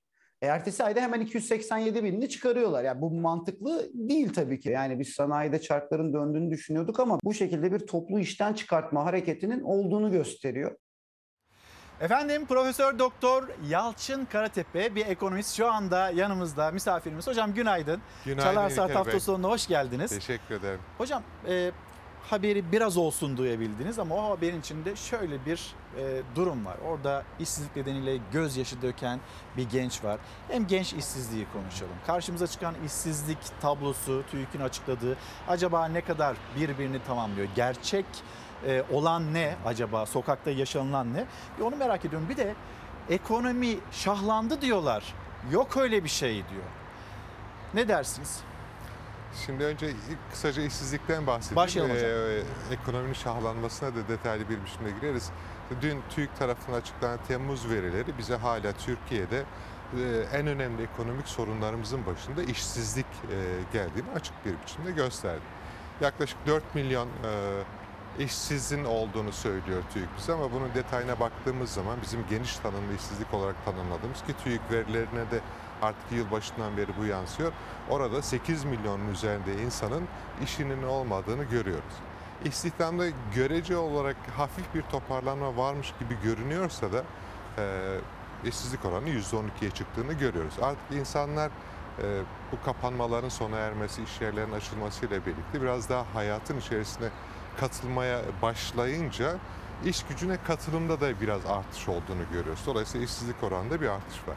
Fakat detaylarda ilginç şeyler var. Mesela sanayi kesiminde çalışan sayısında yaklaşık 300 bine yakın bir azalma söz konusu. Ben bunun büyük olasılıkla e, Temmuz ayı başı itibariyle sona eren işten çıkarma yasaklarıyla birlikte gerçekleştiğini e, düşünüyorum. Hizmetler sektöründe bir artış var. E, orada 490 binin Genelde üzerinde- hayat normale döndüğünde hizmetler sektöründe bir ama artış oluyor. Daha galiba. ilginci orada çalışan kadın sayısında belirgin bir artış var. Yani yaklaşık 390 bin kadar e, kadın istihdamında artış var hizmetler sektöründe. Neden olur sizce hocam? Büyük olasılıkla e, tekrar iş yerinde çalışmaların yaygınlaşmasıyla birlikte ev hizmetlerinde yardımcı ihtiyacında ciddi bir artış olmuş olabilir. E, insan, kadınlar ailelerine destek olabilmek için daha önce belki iş aramayanlar artık bu alanda iş aramaya başlamış olabilirler. Bunların etkisini görüyoruz. Ama bütün bunların bize söylediği şey şu. Türkiye'de işsizlik ciddi bir sorun. İnsanlar ciddi bir geçim sıkıntısıyla karşı karşıya. Bunu nasıl aşacaklarının çözümünü bulamıyorlar. Biraz önce sorduğun işte Türkiye ekonomisi şahlanıyor e, ifadesiyle birlikte değerlendirecek olursak %21.7 büyüme. Evet, e, o rakam oldukça yüksek bir rakam ama bütün dünya i- 2021'in ikinci çeyreğinde benzer bir performans gösterdi. Çünkü geçen sene kapanmalar var dünyanın her yerinde. Yani büyük ekonomilerde de vardı, küçüklerde de vardı. Dolayısıyla buna çok fazla anlam yüklememek gerekir. Biz e, Peki 118 milyar dolar Merkez Bankası rezervinin olmasına anlam yüklenebilir mi? Açıklandığı gibi mi yoksa değil mi? E, O biraz farklı. Şöyle söyleyeyim. Merkez e, Cumhurbaşkanı Erdoğan bunu bu hafta içerisinde çok dillendirdi. Merkez Bankamızın rezervi 118 milyar dolar seviyesine ulaştı diye. Söylediği doğru ancak eksik. Hangi rezerv sorusunu sormamız lazım. Burada rezerv olarak Cumhurbaşkanı'nın kastettiği şey bizim bürüt rezerv olarak adlandırdığımız. Yani cebinizdeki sizinmiş gibi davranırsanız e, çok doğru bir analiz yapmış olmazsınız. Bu brüt rezervlere bakarken bizim aynı zamanda Merkez Bankası'nın yükümlülüklerine de yani vakti geldiğinde ödemek zorunda olacağı ya da iade etmek zorunda olacağı para miktarına da bakmak lazım. Buradaki tutar yani Merkez Bankası'nın tırnak içerisinde söylüyorum borcu ise 158 milyar dolar. Şimdi siz hiç borcunuzdan bahsetmeyip işte bankadan kredi kullandınız diyelim 100 bin liralık kredi kullandınız. Bunun 20'sini harcadınız 80'ini de ce- cebinize koydunuz. Durum nasıl diye sorduklarında "Evet, benim 80 binim var derseniz yani söylediğiniz doğru ama bütün resmi ortaya koymaz. Çünkü bankaya da 100 bin lira borcunuz var. Şu anda Cumhurbaşkanı Erdoğan'ın e, söylemi bu yönde. Resmin tamamını göstermekten ziyade sadece Merkez bir Bankası kısmına Başkanı bakıyor. da bunu söylüyor. Ee, Çünkü orada bir şey e, dikkatini çekmek isterim. 128 milyar ile 118 milyar e, ses açısından çok böyle birbirini çağrıştıran ifadeler. Rakam olarak da birbirine yakın. 128 milyar dolar nerede sorusu çok sık soruldu biliyorsun. Merkez Bankası'nın rezervlerindeki bu azalma miktarı çok soruldu. Şimdi Cumhurbaşkanı biraz da buna yanıt veriyormuş. Yani 128 diye soruyordunuz ama bakın biz 118'ini bir anlamda yerine koyduk. Ama e, bu gerçek Arada da bir tanımlama 10 değil. milyar dolar var. Ee, ama yerine konulmuş değil. Öncelikle onu söyleyeyim. Yanlış anlaşılma olmasın. Ee, 158 milyar dolarlık e, yükümlülüğünü düşündüğümüzde yaklaşık olarak Merkez Bankası'nın net rezervleri, tekrar edeyim, net rezervleri yani benim diyebileceği rakam eksi 40 milyar dolar. Yani Merkez Bankası'nın aslında sahip olduğu bir döviz tutarından söz etmek mümkün değil. Aksine eksi 40 milyar dolar. Yani tam Evet. Karagün akçesi o para mı? Onlar e, yok e, daha önce harcanmış şeylerdi. Merkez Bankası rezervleri biraz daha e, Onlar da farklı bir şey. Ama bu Merkez Bankası'nın 128 milyar doları biliyorsun işte iki sene e, içerisinde dolar kurunu baskılamak için hoyratça harcandı. E, rezervlerde ciddi bir erime olmuştu. Ama ekonomik olarak olumlu sonucunu gördük mü? Görmedik. Bugün dolar 8.50 seviyesinde, işsizlik %12'de, enflasyon 19.25'te filan. O Ya- zaman şahlanmaya geri dönecek olursak?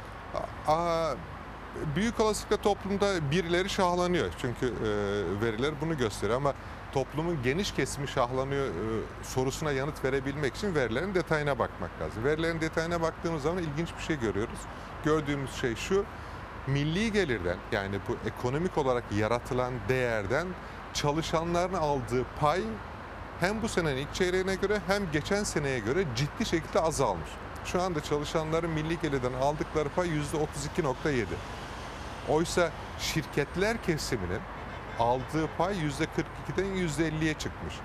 Yani şirket karları artarken bunun vatandaşa refah olarak yani büyümenin vatandaşa refah olarak yansımadığını görüyoruz. Hatta azaldığını görüyoruz oransal olarak. Ben bir hesaplama yaptım. 2000 yani bu içinde bulunduğumuz yılın ilk çeyreğiyle ikinci çeyreğini karşılaştırdım.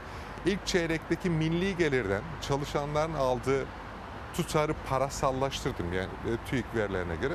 Yaklaşık 66 milyar dolara tekabül ederken ikinci çeyrekte bu 62 milyar dolara tekabül ediyor. Yani yılın 2-3 aylık döneminde bile 4 milyar doların üzerinde bir kayıp var. Eğer ekonomi şahlanıyorsa e, şahlanan millet olmadığı kesin. Ama o şahlanan atın üzerinde kim var onu e, da izleyicilerimizin takdirine bırakalım. Hocam şimdi çekirdek enflasyona geçmeden önce Cumhurbaşkanı Erdoğan'ın inşallah etiketlerdeki fahiş fiyat artışının önüne geçeceğiz. Hani inşallah enflasyonla mücadele en kısa sürede kontrol altına alınacak. Hatamız varsa yine biz düzeltiriz. Bu cümleleri bir e, açar mısınız? Yani şimdi e, piyasa ekonomisinde fahiş fiyat e, kavramının kullanılmasını ben doğru bulmuyorum. Fahiş fiyat dediğiniz zaman sorumluluğu birilerine yüklüyorsunuz. İşte bu marketler olabilir, pazarda satan olabilir vesaire. Bizim sorunumuz fahiş fiyat değil. Bizim sorunumuz yüksek fiyat. Şimdi yüksek fiyat enflasyonla ilişkili bir şey. Fahiş fiyat art niyetli. Yani sanki her şey güllük gülistanlıkta Türkiye ekonomisi iyi de çalışıyormuş da fakat böyle aç gözlü insanlar e, fırsat yaratıp buradan vatandaşın kanın, kanını emmeye çalışıyormuş gibi bir anlam yüklüyorsun. Şimdi yine başladı ben e, bu sabah gazetelerde gördüm marketlerde etiket kontrol etmeleri filan. Türkiye'nin ciddi bir enflasyon sorunu var. Cumhurbaşkanının söylemi bu enflasyon sorununun sorumluluğundan kaçınmaya yönelik. Yani uygulanan ekonomi politikalarının Türkiye ekonomisinin içinde bulunduğu durumun bunda hiç rolü yokmuş da yani sorun bizde değil onlarda gibi bir bakış mı? Aynen bunu ortaya koymaya çalışıyor. Çünkü enflasyondan duyulan rahatsızlık çok yüksek sesle dillendiriliyor vatandaş tarafından da. Çünkü geçinmekte zorlanıyorlar. Bunun sorunundan kurtulmanın yolu nedir? Vallahi biz her şeyi doğru yapıyoruz ama şu aç gözlü birileri olmasa siz bu mağduriyetleri yaşamazsınız. Biz bunların üzerine gideceğiz. Sorun o değil. Sorun Türkiye'de uygulanan politikaların yanlış olması. Buna bağlı olarak da ciddi enflasyonun ortaya çıkması. En son açıklanan rakam %19.25 Ağustos ayı. Ki Eylül, Ekim, Kasım aylarında aylık enflasyonun daha yüksek olduğunu biliyoruz mevsimsel olarak da. Dolayısıyla e, enflasyonla mücadele etmek market baskınlarıyla yapılmaz. enflasyonla mücadele etmek ekonomi politikalarıyla yapılır. Ama ben iktidarın e, bu anlamda enflasyonu kontrol edecek politikaları hayata geçirme kararlılığında da olmadığını görüyorum. Nereden görüyoruz? İşte bu hafta Merkez Bankası Başkanı'nın yaptığı çekirdek enflasyon, manşet enflasyon e, tanımlaması. Hocam onunla ilgili bizim bir haberimiz var. Yani e, enflasyonun çekirdeği mi yoksa çekirdeğin kendisi mi? Bunun üzerine biraz böyle kafa yorduk bir haber hazırladık. Bir paylaşalım sonra bu çekirdek enflasyona biz nereden geldik acaba? Onu sormak istiyorum Yalçın Karatepe'ye. Para politikamız dünya ile birlikte beklenen enflasyondaki ve çekirdek enflasyondaki gelişmeleri takip ediyoruz. Merkez Bankası Başkanı Şahap Kavcıoğlu düşük enflasyon için yeni tarih verdi. Yılın son çeyreğinde pahalılık dizginlenecek dedi. Uzun yıllardır konuşulmayan bir hesabı gündeme getirdi. Çekirdek enflasyonu. Bu rakam yüksek kaldı ben bu düşüğü kullanayım demek bu. Çekirdek enflasyon demek gıda ve enerji fiyatlarının dahil edilmediği enflasyon demek. Yani markete gidenin, pazara çıkanın, elektrik ve doğalgazı kullananın yaşadığı pahalılığın dışarıda kaldığı enflasyon. Türkiye'de TÜFE sepetini oluşturan o tüketici fiyat endeksi enflasyon oluşturan sepetteki mal, e, mal ve hizmetlerin yıllık fiyat artışı %19.25 iken Ağustos ayı rakamlarına göre e, çekirdek enflasyon %16,76. Ağustos ayı için açıklanan gıda enflasyonu %29. Geçen sene Ağustos ayında 100 liraya alınan aynı ürünler bu sene 129 lira. Tabii o da TÜİK'e göre. Elektrik ise son bir yılda %30 zamlandı. Açıklanan her yeni rezerv müjdesinden sonra yeni bir zam geldi doğalgaza da. Maaş zamları eridi, asgari ücret eridi. Vatandaş Türkiye Cumhuriyet Merkez Bankası %19-25'lik enflasyonu değil de %16'lık enflasyonu para politikasında kullandığında %30 enflasyon hissetmeyecek mi? Hissedecek. Dolayısıyla değişen bizim hayatlarımızda hiçbir şey olmayacak. Bu yeni ölçüm faizleri aşağı çekmek için belki Merkez Bankası'nın elini kolaylaştıracak ama halkın hissettiğini, yaşadığını yine anlatmayacak. Faiz ve enflasyonla çekirdek enflasyon mücadele edecek ama halk çekirdeğin hesabından vazgeçemeyecek. Neden? Çünkü çekirdek güne bakanın, ayçiçeğinin meyvesi. Mutfağın, yemeğin olmazsa olmazının yani. Onun enflasyonuna gelince sadece bu yıl Ocak-Ağustos döneminde ayçiçek yağı %60 zamlandı. Rakamların çekirdeği mi, çekirdeğin kendisi mi? Vatandaş cephesinde işte asıl mesele bu. Hocam şimdi çekirdek enflasyonu ayçiçeği yağına bağladığınızda yani işte o ayçiçeğinin meyvesine çekirdeğe bağladığınızda başka bir tablo çıkıyor ortaya. Merkez Bankası Başkanı hani bu çekirdek enflasyonla neyi anlatmak istiyor? Ee, şunu anlatmak istiyor aslında. Ee, biz mücadele, mücadele ettiğimiz enflasyon oranını kontrol edemiyoruz. Başka bir enflasyon tanımıyla yola devam edersek uyguladığımız politika faiz oranında biraz indirime gidebiliriz. Bu indirimi yapınca da Cumhurbaşkanı Erdoğan'ın beklentilerini karşılamış oluruz. Aslında bütün açıklamaların e, meali bu böyle baktığımız. Şimdi enflasyon oranı biraz önce de telaffuz ettiğimiz e, Ağustos itibariyle ortaya çıkan %19.25 biz vatandaşların hayatın içerisinde e, olan insanlar olarak maruz kaldığımız ve resmi olarak TÜİK tarafından ölçüldüğü söylenen şey. %19.25 yıllık enflasyonla karşı karşıyayız. Şimdiye kadar Merkez Bankası bu enflasyonu esas alarak politika faiz oranını e, karşılaştırıyordu ya da e, orada değişikliğe gidiyordu. Yakın zamana kadar Merkez Bankası'na şöyle açıklamalar geliyordu. Bizim politika faiz oranımız enflasyonun altında kalmayacak. Çünkü kaldığı zaman bu sefer eksi faiz e, gündeme geleceği için bunun yaratacağı başka ekonomik sorunlar var. Beklentileri oydu ki e, hem Merkez Bankası'nın hem e, iktidarın Ağustos'tan itibaren enflasyon düşer. Dolayısıyla politik, politika faiz oranı da yüksek seviyede kalacağı için indirim marjı olur. Fakat açıklanan rakam bunun böyle olmadığını gösterdi ki Cumhurbaşkanı Erdoğan Ağustos'tan itibaren enflasyon düşeceğini göreceksiniz demişti. Böyle olmayınca Merkez Bankası'nın faiz oranı enflasyon oranının altında kaldı. %19 politika faizi var, %19.25 enflasyon var. Şimdi Merkez Bankası demeye başladı ki ya onu boş verin. O manşet dediğimiz enflasyon oranı. Biz çekirdek enflasyon diye bir şey var ona bakıyoruz. Ona baktığımız zaman da bizim faiz oranının yüksek kaldığı görülüyor. Peki çekirdek enflasyon nedir diye baktığınızda diyor ki gıdayı Doğalgaz, elektriği bir kenara koyun. Sanki çekirdek enflasyon da düşmüş gibi. 16.76. Ya 19'a göre göreceli olarak düşüyor ama bir kenara koyun dediği şey ortalama vatandaşın harcama sepetinin %60'ından fazlasını oluşturan yer. Yani e, gelir seviyesini dikkate aldığımız zaman önemli bir kısmını gıdaya harcıyoruz. Doğalgaza, elektriğe falan. Ki önümüz sonbahar. Sonbaharla birlikte doğalgaz, elektrik harcamalarımız da artacak. E, ama diyor siz ona bakmayın. Niye biz ona bakmayalım? Çünkü biz cebimizden çıkan parayı oralara ödediğimizde e, karşılaştırarak e, bileceğiz ne kadar. Siz ona bakmayın diyor. Onların dışındaki şeylere bakarsak diyor enflasyon e, faiz oranımızın yüksek kaldığını görürsünüz. Aslında yapmaya çalıştıkları şey Cumhurbaşkanlığının tırnak içerisinde söylüyorum o faiz inecek açıklamasının e, gereğini yapmaya çalışıyor Merkez Bankası. Başka bir oranı referans alarak faizlerde belki 23 Eylül'deki ilk toplantısında bir miktar e, ya da e, Düşer mi? Bence düşmemesi lazım. Zaten bu açıklamayla birlikte neyi gördük biz? Döviz kurlarında 8.20 Yükselişi. seviyesine kadar gelmiş olan döviz kurunun 8.50 seviyesine kadar hızla yükseldiğini gördük. Şimdi merkez bankaları faiz oranlarını belirlerken sadece maliyeti değil, aynı zamanda insanların davranışını da etkileyerek piyasa beklenti yönetimiyle de yönetilen bir şeyde sonuca gitmeye çalışıyor. Şimdi vatandaşın baktığı manşet enflasyon şurada dururken siz ben başka bir enflasyona bakıyorum diyerek faiz oranları belirlemeniz vatandaşın davranışını değiştirmeyecektir. Bu hafta gördüğümüz gibi ne yapacak? Elinde parası olan dolar alacak, avro alacak, başka birimlere yönelecek.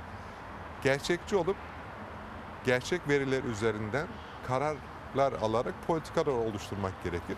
Ama şu anda benim görebildiğim hem Merkez Bankası'ndan yapılan açıklamalarda hem iktidar kanadından gelen açıklamalarda bu faizlerin bir biçimde indirilmesi baskısı güçlü bir biçimde Merkez Bankası'nın üzerinde duruyor.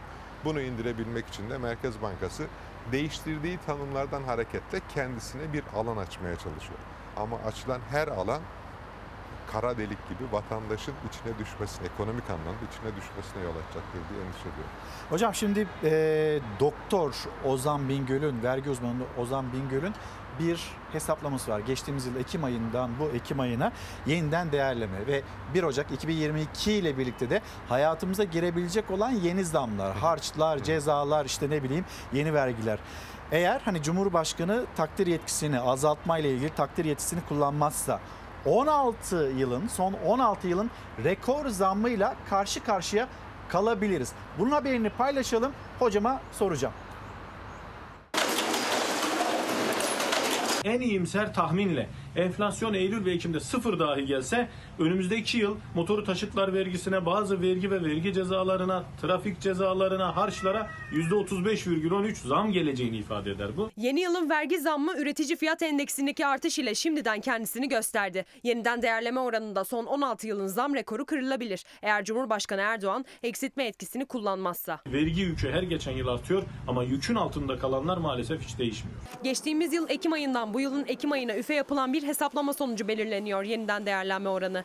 Ve bu değerli kağıtlardan vergilere, harçlara, trafik cezalarına yapılacak olan artışı yani zammı tespit ediyor. Geçen yıl 9,11 olarak uygulanmıştı. Bu orana baktığımızda ilk 10 aylık ortalaması %35,13 çıkmakta. Vatandaş aslında yeni yıla bu anlamda e, %35'lik bir vergi zammıyla hazırlanabilir diyebiliriz.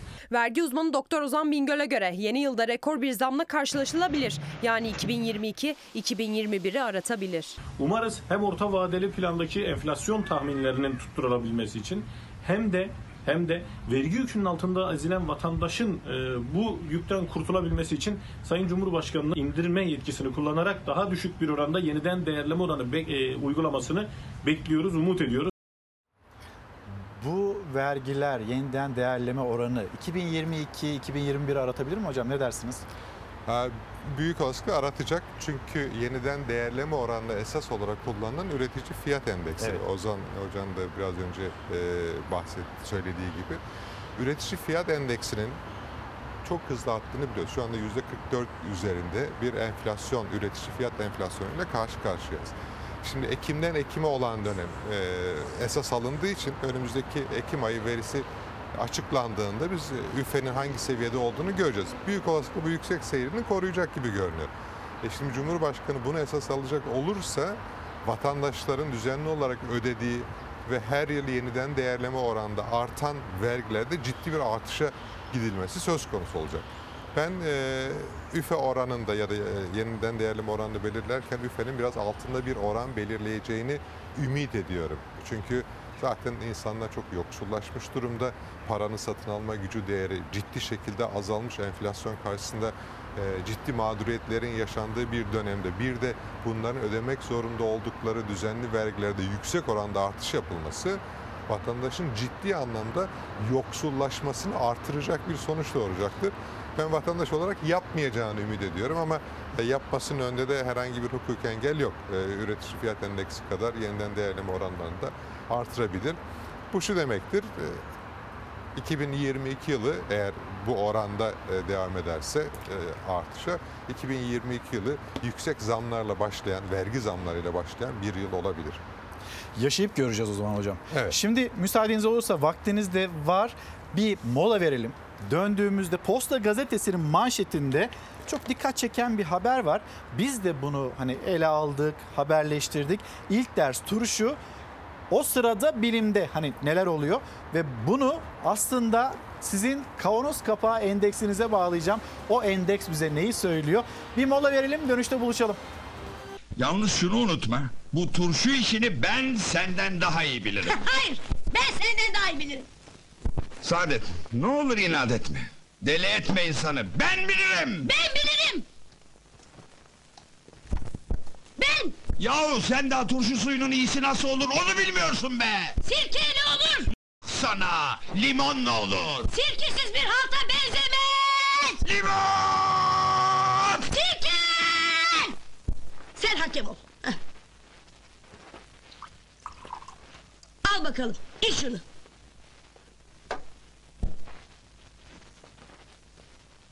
Nasıl? Harika. Gördün mü bak, nasılmış? Harika dedi. Niye? Çünkü turşu suyunun iyisi sirkeyle yapılır. Kadın limonlu olur limon. Dur şimdi görürsün. Al bakalım şunu. Bak bakalım nasıl bulacaksın. Bu da benimki. İç. Nasıl buldun ha?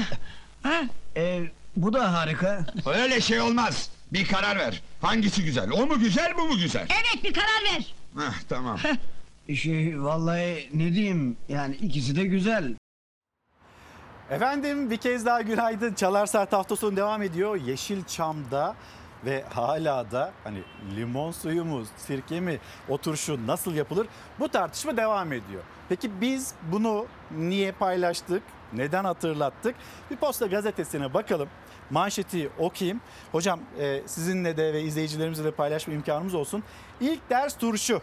Ankara Yıldırım Beyazıt Üniversitesi akademisyen ve öğrencileri yüz yüze eğitimin başlaması öncesi Çubuk Belediyesi'nin organize ettiği ilk ders turşu etkinliğinde 1,5 tonluk kavanoza turşu kurdu. Katılımcılar turşu kurma konusunda uygulamalı eğitim aldı. Turşunun üniversitenin 4 Ekim'deki akademik yıl açılışında öğrenciler ve konuklara dağıtılacağı belirtildi.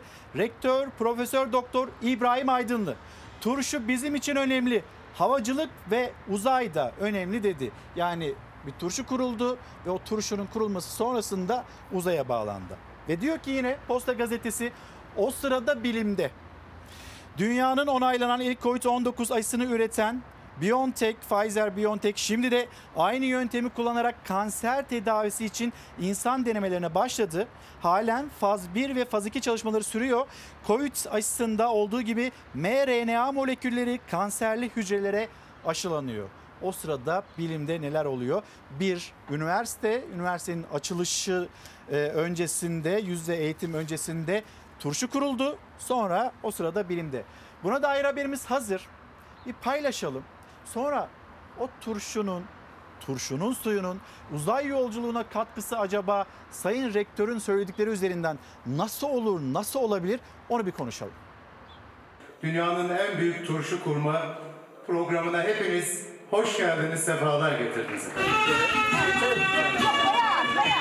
Fonda mehteran, önlükler, aşçı şapkaları, eldivenler, dev kavanozlara boşaltılan salatalıklar, biberler ve damaklar için aromatik lezzet katkıları, defne yaprakları, Fetih Marşı'yla damacana damacana sirke.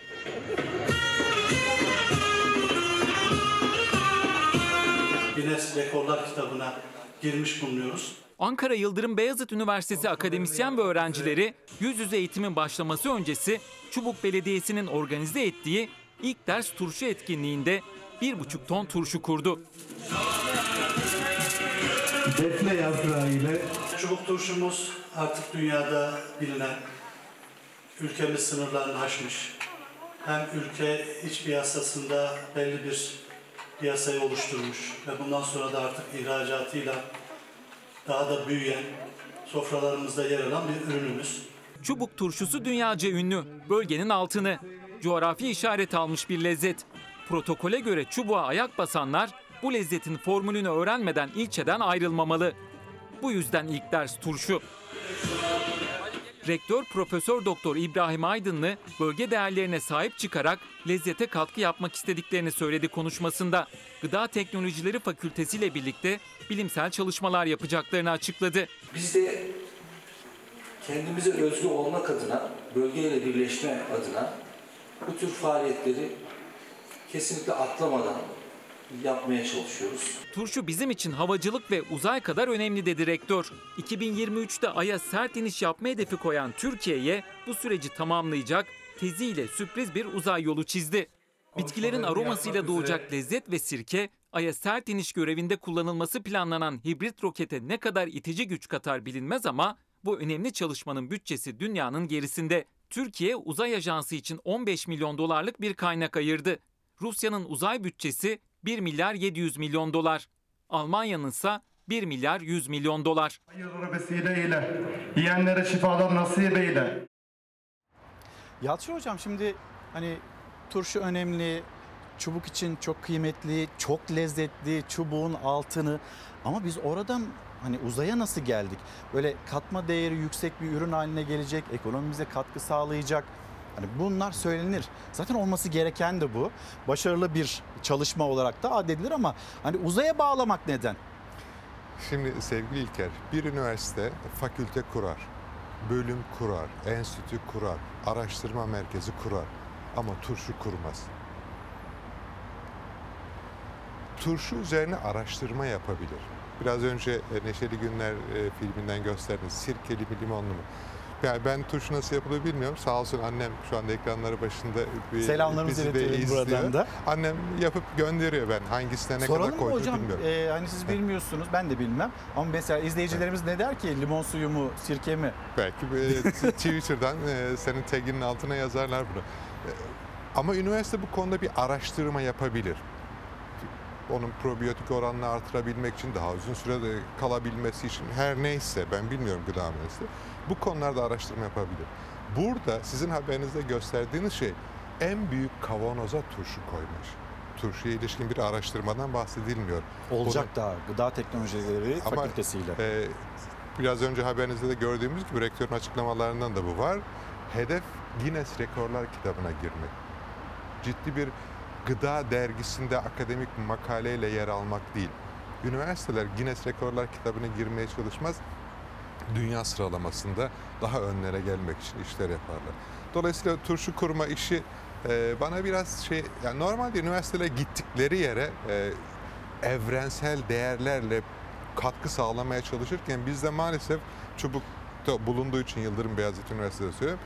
Üniversiteler gittikleri yerlerin özelliklerine benzemeye başlıyorlar. Yani çubukta en büyük kavanoza turşuyu kurmak. Yani bir buçuk tonluk kavanozu e, turşu kurmak çok da böyle anlamda bir iş değilmiş gibi görünüyor. Benim beklentim biraz önce söylediğim gibi üniversitenin e, gıda mühendisliği varsa ya da ilgili birimleri varsa nasıl turşu kurulur, daha iyi kurulura ilişkin bilimsel araştırmalarla gündeme gelmek, büyük kavanoza koymakla değil.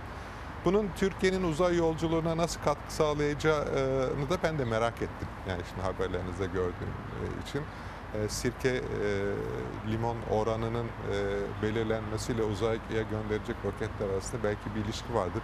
Ben iktisatçıyım böyle yakıtlara ilişkin konuları bilmiyorum ama bana biraz zorlama bir ilişkilendirmeymiş gibi geliyor. Üniversiteden beklediğimiz evrensel değerlerle toplumun yüceltilmesine, daha ileriye taşınmasına, sadece toplumun değil insanlığa katkı sunacak işler yapmak. Büyük kavanoza turşu kurmak değil.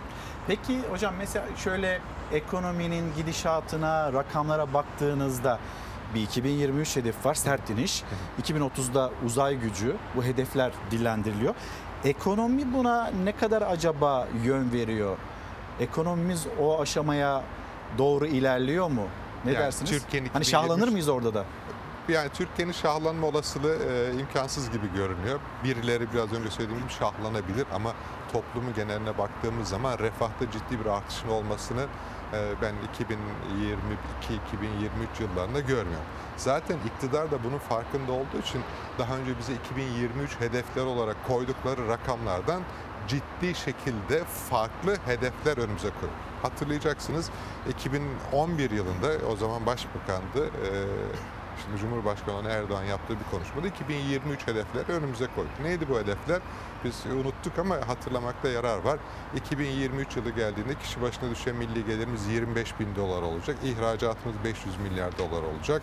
Ee, gayri safi yani milli gelirimiz 1,5 trilyon doların üzerinde olacak filan gibi. Şimdi 2023'e 2 kaldı hedef olarak gösterdikleri ki orta vadeli programa da yazdıkları bu. Kişi başına düşen milli gelirimiz 10 bin dolar. Hedef olarak koydukları. Oysa 2011'de 2023'ün de 25 bin dolar olacağı söyleniyordu. İhracatta hedef olarak koydukları rakam yaklaşık 200 milyar dolar 2023'ün. Oysa 2023 hedefi 500 milyar dolar. Şimdi bütün hedeflerin tutturulmasının e, mümkün olmadığı görüldüğü için çok daha farklı göstergelerle bize 2022 ve 2023 için umut vaat etmeye çalışıyorlar. Oysa 2023'te tutturacaklarını söyledikleri 10 bin dolarlık kişi başı milli gelir bile 2011'de gördüğümüz 12 bin dolarlık milli gelirin yaklaşık %20 altında bir gelire tekabül ediyor. Yani Türkiye düzenli olarak e, yoksullaşmaya devam etmiş. Bireysel anlamda da yoksullaşmış ama ülke olarak da yoksullaşmaya devam etmiş bir ülke gibi görünüyor. Dolayısıyla o hedefler e, bizim şahlandığımıza işaret edecek hedefler değil. Orta vadeli programda ortaya konulmuş olan hedefler. Çünkü orada hedef olarak gösterilen verileri biz 10 yıl önce yaşıyorduk, onlara sahip. Yani 10 yıl öncesinin Türkiye'sine erişmekte e, bir hedef olamaz ya da bir şahlanma göstergesi olamaz. Peki hocam mesela patenti size ait kavanoz kapağı endeksi e, bu senenin rakamları o endeks bize neyi söylüyor? Ee, bize söylediği şey şu, e, gıda fiyatları o kadar yüksek ki normalde düşük olması gereken Ağustos döneminde o kadar yüksek ki insanlar artık kış dönemine yönelik hazırlık yapma imkanına bile sahip değiller. Bunu e, teşekkür ederim hatırlattığın için. Ben Gazana kavanoz kapağı satışlarından e, takip etmeye Yola çıkarak, çalışıyorum. evet. Bu sene e, Perakendeciler Derneği Başkanı'nın bir açıklaması vardı. Kavanoz kapağı satışları ciddi şekilde düştü diye. İki sene önce bir patlama vardı hatırlarsan Evet. fiyatları iki buçuk liraya kadar çıkmıştı. Bu sene ciddi bir düşüş var bu dedi. Ben de baktım niye düşmüş olabilir diye. E şimdi Ankara'da Ağustos ayında domates kilosu 7-8 liraya satılıyorsa taze fasulye tam mevsimidir. E, 18-20 liraya satılıyor ise işte salatalık 7-8 lira ise insanların bu yüksek fiyatlardan alacakları ürünlerle kış hazırlık yapma şansları yok. Çünkü şu anda sahip oldukları gelirlerle karşılaştırdığımız zaman fiyatlar çok pahalı. Ne yapmaya başladı? Daha az. Yani Anadolu'da kendi ürettikleriyle yapanlar vardır ama e, bu ürünleri satın alarak yapanların e, sayısında ciddi azalma olduğunu verilerde görüyorum. Çünkü geliri onu finanse etmeye yetmiyor. Ne yapmaya başlıyor? Kışa Allah kerim diyor. Hazırlık yapma şansımız yok. Çünkü şu anda zaten çok Elde yok. pahalı. Elde para yok. Ee, inşallah kışın tahmin ettiğimiz kadar kötü olmaz diye bir beklentiyle hareket ediyor. Dolayısıyla iki sene önce ciddi şekilde artmış olan kavanoz kapağı satışları bu sene e, ciddi şekilde azalmış gibi görünüyor. Ama biraz önce Yıldırım Beyazıt Üniversitesi'nin kullandığı kavanozun kapağı epey büyükmüş. Bir buçuk tonluk bir kavanoz Özel bir kapağı kapağı olduğu var için e, o belki talepli bir miktar yukarı doğru harekete yol açmış olabilir diye düşünüyorum. Hocam çok teşekkür ederim. Çok sağ olun. Kırmadınız, geldiniz. Çalar Saat hafta sonuna katıldınız. E, Profesör Doktor Yalçın Karatepe ile gündemi değerlendirdik. Rezervlerimize baktık. Merkez Bankası rezervlerine. Çekirdek, e, enflasyon ve pek çok başlık elbette işsizlik. Kendisiyle konuştuk, danıştık. Bir kez daha teşekkür ediyorum. Ben teşekkür zaman zaman ederim, böyle vaktiniz olduğunda tekrar sizi davet etmek istiyorum hocam. Zaman hani buluşuyoruz zaten ama yine denk getirelim. Bu sohbetlerimize devam etsin. Ben size teşekkür ederken bir de öğrenciler diyeceğiz. Öğrencilerimiz gece vakitlerinde böyle gece işte 9'ları bulan saatlerde okula gitmek durumunda kalıyorlar. Neden? Ve bu nasıl düzeltilebilir acaba? Buna dair bir haberle devam edelim. Saat 9 çok iyi bir saat değil. Yola birisi önümüze kesse yapacak hiçbir şeyimiz yok. Ben erkek halinde söylüyorum. Saat 21'e gelirken Ankara'da İncirli Şehit Furkan Yayla Anadolu Lisesi'nin ışıkları hala yanıyor. Okulda dersler devam ediyor. Öğrenciler akşamdan nice sonra okuldan çıkıyor, geceye doğru eve ulaşıyor. 9 olması bizim için gerçekten kötü. Çok yoruluyoruz gerçekten. Kendimizi pek iyi hissettiğimizi söylemeyeceğim. Başkentin en kalabalık ilçelerinden Keçiören'deki lisede ikili eğitim veriliyor. Pandemi nedeniyle valiliğin belirlediği saatlere göre sabahçı öğrenciler derse geç giriyor. Öğleden sonraya kadar okul sürüyor. Öğrenciler de 14.30'da ders başı yapıyor. Akşamda 9'da çıkıyor. Kimi toplu taşımayla, kimi de dakikalarca karanlıkta yürüyerek evine varıyor. Saat geç olduğu için bazı veliler liseye giden çocuklarının çıkışını bekliyor. Gözleri kapıda. Velisi gelemeyen saat geç olduğu için ara sokaklardan güvenlik nedeniyle geçebilmek için kalabalık gruplar halinde birlikte çıkıyor. Üçerli gruplarla gitmek zorunda kalıyoruz bazenleri. Çünkü ara sokaklardan falan geçiyoruz. İnsanlar tehlikede maalesef. Sınıflarda 40 kişilik oturuyoruz, 43 kişilik oturuyoruz.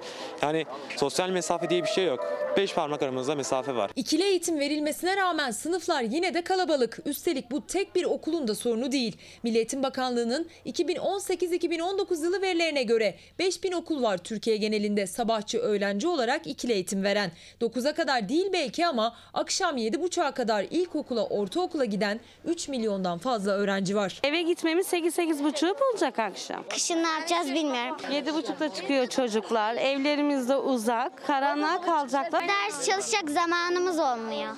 Yorgun geliyorum eve hem de yemek yemeden uyuyorum. Biz bu sene LGS'ye gireceğiz ama sabahçı değiliz. O yüzden çalışamıyoruz. Akşam 7'de çıktığımız için çalışamıyoruz. LGS bizim için çok önemli ama işte çalışmamıza fırsat yok. Zamanımız yok çünkü.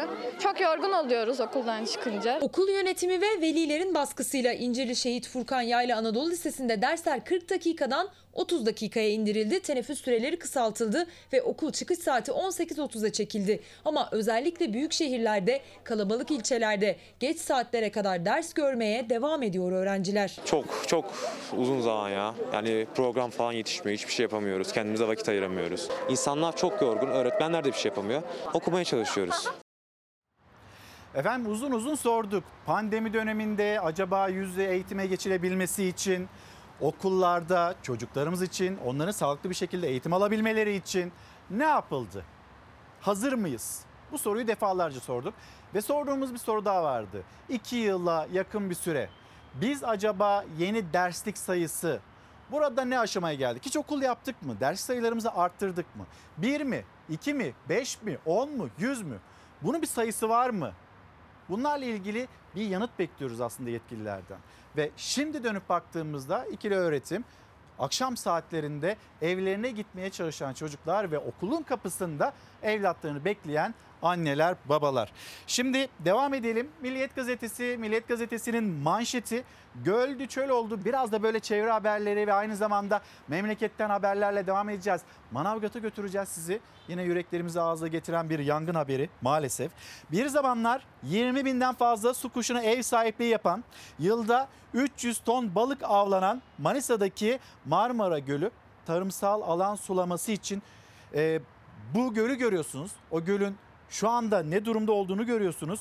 Gökhan Karakaş'ın özel haberi Marmara Gölü tarımsal alan sulaması için gölün adeta havuza çevrilmesi nedeniyle kurudu. Artık burası bir göl değil. Milliyet Gazetesi'nin manşetinde burası artık bir çöl. Ve bu bilgiyi paylaştıktan sonra da sizleri hemen bir Manavgat'a götürelim.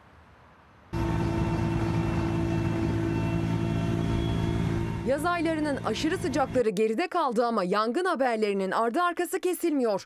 10 Eylül tarihinde Türkiye'de toplam 6 yangın çıktığını Orman Genel Müdürlüğü duyurdu. Antalya Manavgat'tan da yükseldi alevler. 28 Temmuz'da başlayan ve 10 gün süren yangınların yaşandığı Manavgat'tan yeniden yangın haberi gelmesi yürekleri ağza getirdi. Manavgat'ın Altınkaya mahallesinde yerleşim yerlerine uzak bir noktadan yükseldi alevler. Yıldırım kaynaklı olduğu tahmin edilen orman yangını için haber kaynakları bölgeye iki helikopter ve çok sayıda arazöz sevk edildiğini aktardı. Orman Genel Müdürlüğü ise akşam saatlerinde açıklama yaptı sosyal medyadan. 15.48'de başlayan yangının kontrol altına alındığını sevinçle duyurdu. Orman Genel Müdürlüğü Antalya, Taşağıl ve Zerk bölgelerinde devam eden yangın söndürme çalışmalarına bir uçak, 8 helikopter, bir dozer, 40 arazöz, 10 yer ekibi ve 160 personel sevk edildiğini bildirdi. Temmuz sonunda çıkan mega yangınlarda en büyük hasarı alan illerden biri Muğla'dansa yasakların uzatıldığı haberi geldi. Muğla genelinde 1 Ekim 2021'e kadar ormanlara giriş yasak. Orman çevresinde mola vermek, piknik yapmak, mangal, semaver ve ateş yakmak da cezai işleme tabi. Köylerde anız yakmak, bağ bahçe zeytinlik temizliğinden çıkan bitki atıklarının yakılması, orman alanlarına yakın yerlerde düğün yapmak, havai fişek, dilek balonu gibi yanıcı maddeler kullanmak konularında da yasaklamalar sürüyor Muğla'da. Kurallara uymayanları adli ve idari cezalar bekliyor. Muğla'da işte yasaklar 1 Ekim'e kadar uzatıldı. Yine Marmaris'e götüreceğiz. Marmaris'te bu yangın felaketini yaşayan esnafın bir çağrısı var. Onu da duymak istiyoruz. Ayfer Hanım günaydınlar diyor ki ikili eğitime geçen okullar haklı. Gayet güzel bir çözüm. Doğru. Hatta seyreltilmiş sınıflar bu da çok fazla dillendirildi. Haklısınız. Hani bunu eleştirmeyelim. Eleştirdiğimiz şey bir saat planlaması. Buna bir ihtiyacımız var. Çünkü çok geç saatlere kadar çocuklar okullarda kalmak zorunda kalıyor. Bir de pandemi sürecinde ne kadar okul yaptık gerçekten merak ediyorum. Ve bununla ilgili bir açıklama yapılırsa da memnuniyetle seve seve paylaşırım. Bizim yüz yüze eğitime geçebilmek için hazır olmamız gerekiyordu. Ne kadar hazırızı aslında rakamsal olarak da yaptığımız okullar, arttırdığımız derslikler üzerinden de öğrenebiliriz. Yeni Çağ Gazetesi manşeti kiralık ev bulmak çölde su bulmaktan daha zor. Düğün sezonu, üniversitelerin açılması, kentsel dönüşüm gibi sebepler kiralık konut sıkıntısına neden oldu. Vatandaş kiralık daire bulmakta zorlanırken bunu fırsat bilen ev sahipleri de fahiş kira taleplerinde bulunmaya başladılar. Yeni Çağ gazetesinin haberi ve biz bu haberi aslında daha önceden de sizlerle paylaşmıştık. Hemen memleket turu ve memleket turunda şimdiki durağımız Marmaris. Marmaris esnafının çağrısı. Yangınlardan sonra turizm bölgeleri tamamıyla boşaldı. Bir de bunun üzerine İngiltere hükümeti vatandaşlarını Türkiye'ye göndermeyince yaklaşık 200 bin turizm esnafı şu anda borç batağında. Yangın ile birlikte Cumhurbaşkanımız bu bölgeleri afet bölgesi olarak ilan etmişti. Kredileri bir yıla kadar faizsiz olarak ötelenmesini talimatını vermişti. Ama şu anda esnaflarımızın bankalardaki hiçbir kredileri ötelenmemektedir. Önümüz kış. Biz yazı daha geçirememişken, kredilerimizi ödeyememişken, dükkan kiralarımızı ödeyememişken, hatta dükkanımızın elektriğini, suyunu bile ödeyemez durumdayken devletimizden tek ama tek isteğimiz var olan kredilerimizin en az bir yıl ötelenmesi, devletimize olan borçlarımızın bir yıla kadar ötelenmesi ve bize şu anda kışı geçirebilmemiz için çok düşük faiz oranıyla ilk bir yılı ödemesiz nakit ihtiyacımızın devletimiz tarafından karşılanmasını talep etmekteyiz. Şimdi adresimiz Bursa ve kadına yönelik bitmeyen o şiddet olayları.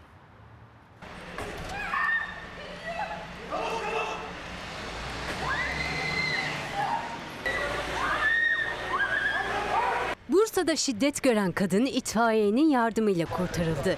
Çevredekiler ve polis eve giremeyince sokağa itfaiye çağrıldı, içeri pencereden girildi. Bursa'da genç bir kadın eşinden şiddet görüyordu. Bir anlık boşluğundan faydalanarak kendini odaya kilitledi ve polisi aradı. Pencerede beklemeye başladı. Olay yerine gelen polis eve giremedi. Çünkü gözü dönmüş adam da dış kapıyı kilitlemişti. İtfaiyeden destek istendi.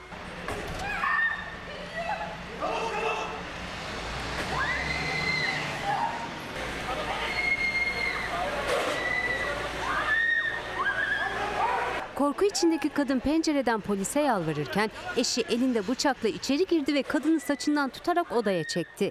İtfaiye yardımıyla ikinci kata çıkan polis camdan manzarayı görür görmez bağırmaya başladı.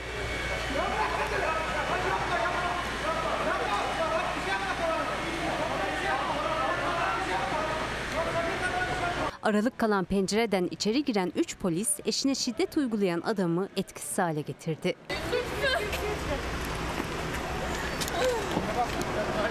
Ekiplerin müdahalesine de bıçakla direnen 3 polisi kolları ve ellerinden yaralayan BH adliyeye sevk edildi.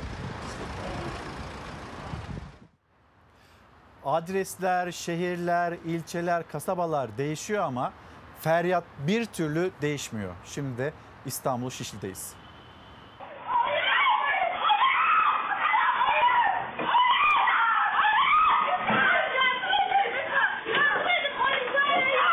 Şişli'de, İstanbul'un göbeğinde bir kadın boşanma aşamasında olduğu eşi tarafından böyle kaçırıldı. Ne çevredekilerin engelleme çabası, ne direnmesi, ne attığı yardım çığlıkları, ne de ailesinin defalarca yaptığı başvurular fayda etti. Darp raporlarımız mevcut. Bu kadar dosya, bu kadar şikayet dilekçesi falan 20 tane ayrı ayrı suç dosyası olan bir kişi eğer ki e, ilgili makamlar götürmüyorsa ve benim kız kardeşim İstanbul'un göbeğinde kaçırılıyorsa gerçekten de bundan bütün İstanbul'un utanması gerekiyor. 22 yaşındaki Şilan Topal 7 yıl önce evlenmişti Mithat Topal'la. Bir çocukları oldu. Şilan Topal 9 ay önce şiddet gördüğü gerekçesiyle boşanma davası açtı. Çocuğuyla birlikte Şişli'deki baba evine taşındı. Mithat Topal iddiaya göre 2 ay önce mahkeme kararıyla görmeye gittiği çocuğunu kaçırdı önce. Çocuğu kaçırdı getirmedi. Dedim bir iki gün benim yanında kalsın getireceğim tamam dedik ona verdik. İki aydır onu da getirmedi. Bir de sonra geldi bunu kaçırdı. Önceki akşamda bir taksiyle geldi eşinin ailesinin evine. Şilan Topal komşularla kapının önünde oturuyordu. Kaçmak istese de başaramadı. Ailesi ve yanındakilerin engelleme çabası da işe yaramadı. Boşanma aşamasında olduğu Mithat Topal tarafından zorla taksiye bindirilerek kaçırıldı. Biz burada oturuyorduk. Bir biri araba geldi durdu burada. Kız kaçtı. Yakaladı burada araba koydu. Ben de peşine gittim. Beceremedim kaçtı gitti. Şilan Topal polisin takibi sonrası cuma gece saatlerinde kurtarıldı. Aklında ise sadece çocuğuna kavuşmak vardı. Kurtulduğum için mutluyum. Polislere, herkese teşekkür ediyorum devlet büyüklerine. Gerekli cezanın verilmesini istiyorum. Sadece çocuğuma kavuşmak istiyorum. Mithat Topal ve ona yardım eden bir kişi de yakalanarak gözaltına alındı.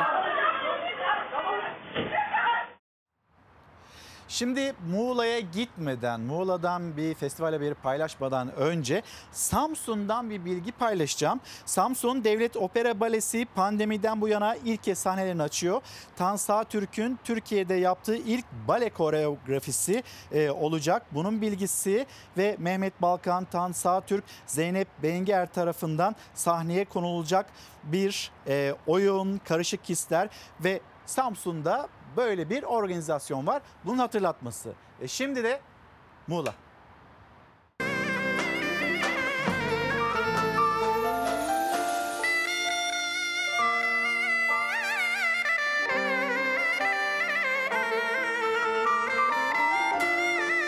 Sesi dinleyenin tüylerini diken diken eden, yıllardır üzerinde yaşadığımız topraklarda varlığını sürdüren, düğünün merasimin kutlamanın olmazsa olmazı zurna.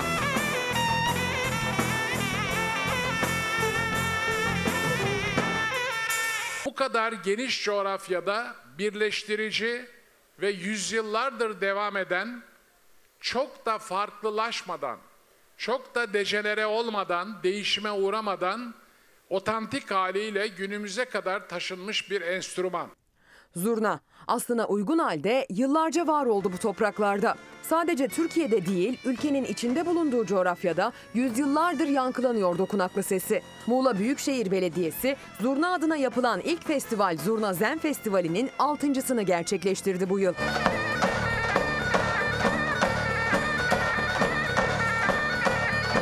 Eşin, dostun, küs barışık demeden sevdiklerinin iyi gününde sevincine ortak olmak için bir araya geldiği merasimlerin başrollerinden biri hep zurna.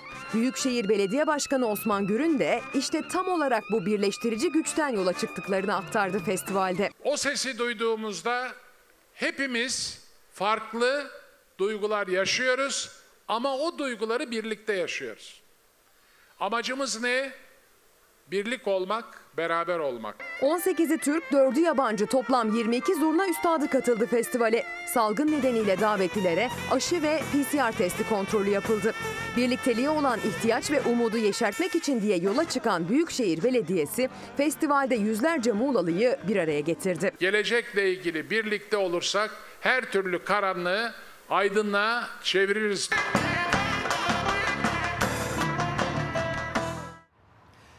Bir soluklanıp dönelim efendim.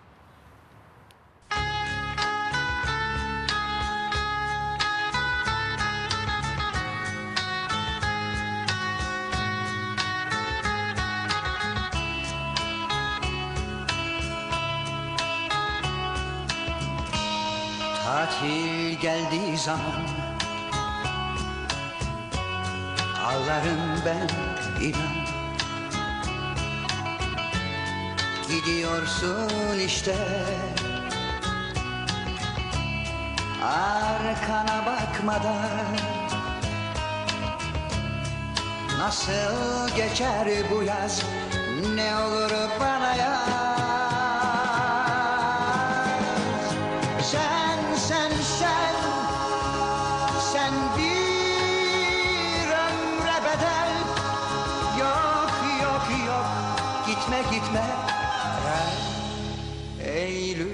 Eylül'de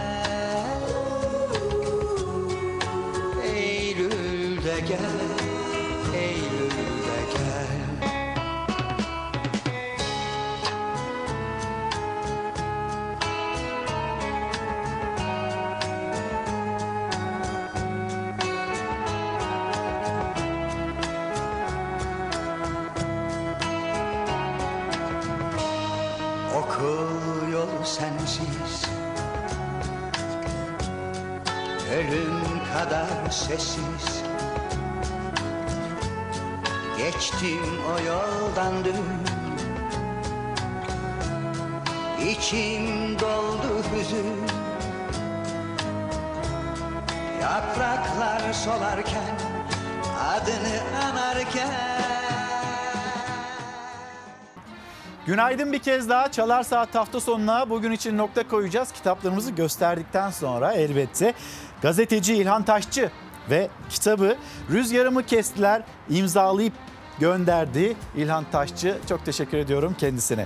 Zaman yolcusu Fatih Bircan, Mehmet Uysal ve Sabri Uysal tarafından yazılmış Dragon Çocukları, Beşir Ayvazoğlu Her Kuyuda Bir Yusuf ve bugün için son kitabımızda Yeşim Türköz'e ait Büyü Dükkanı 3.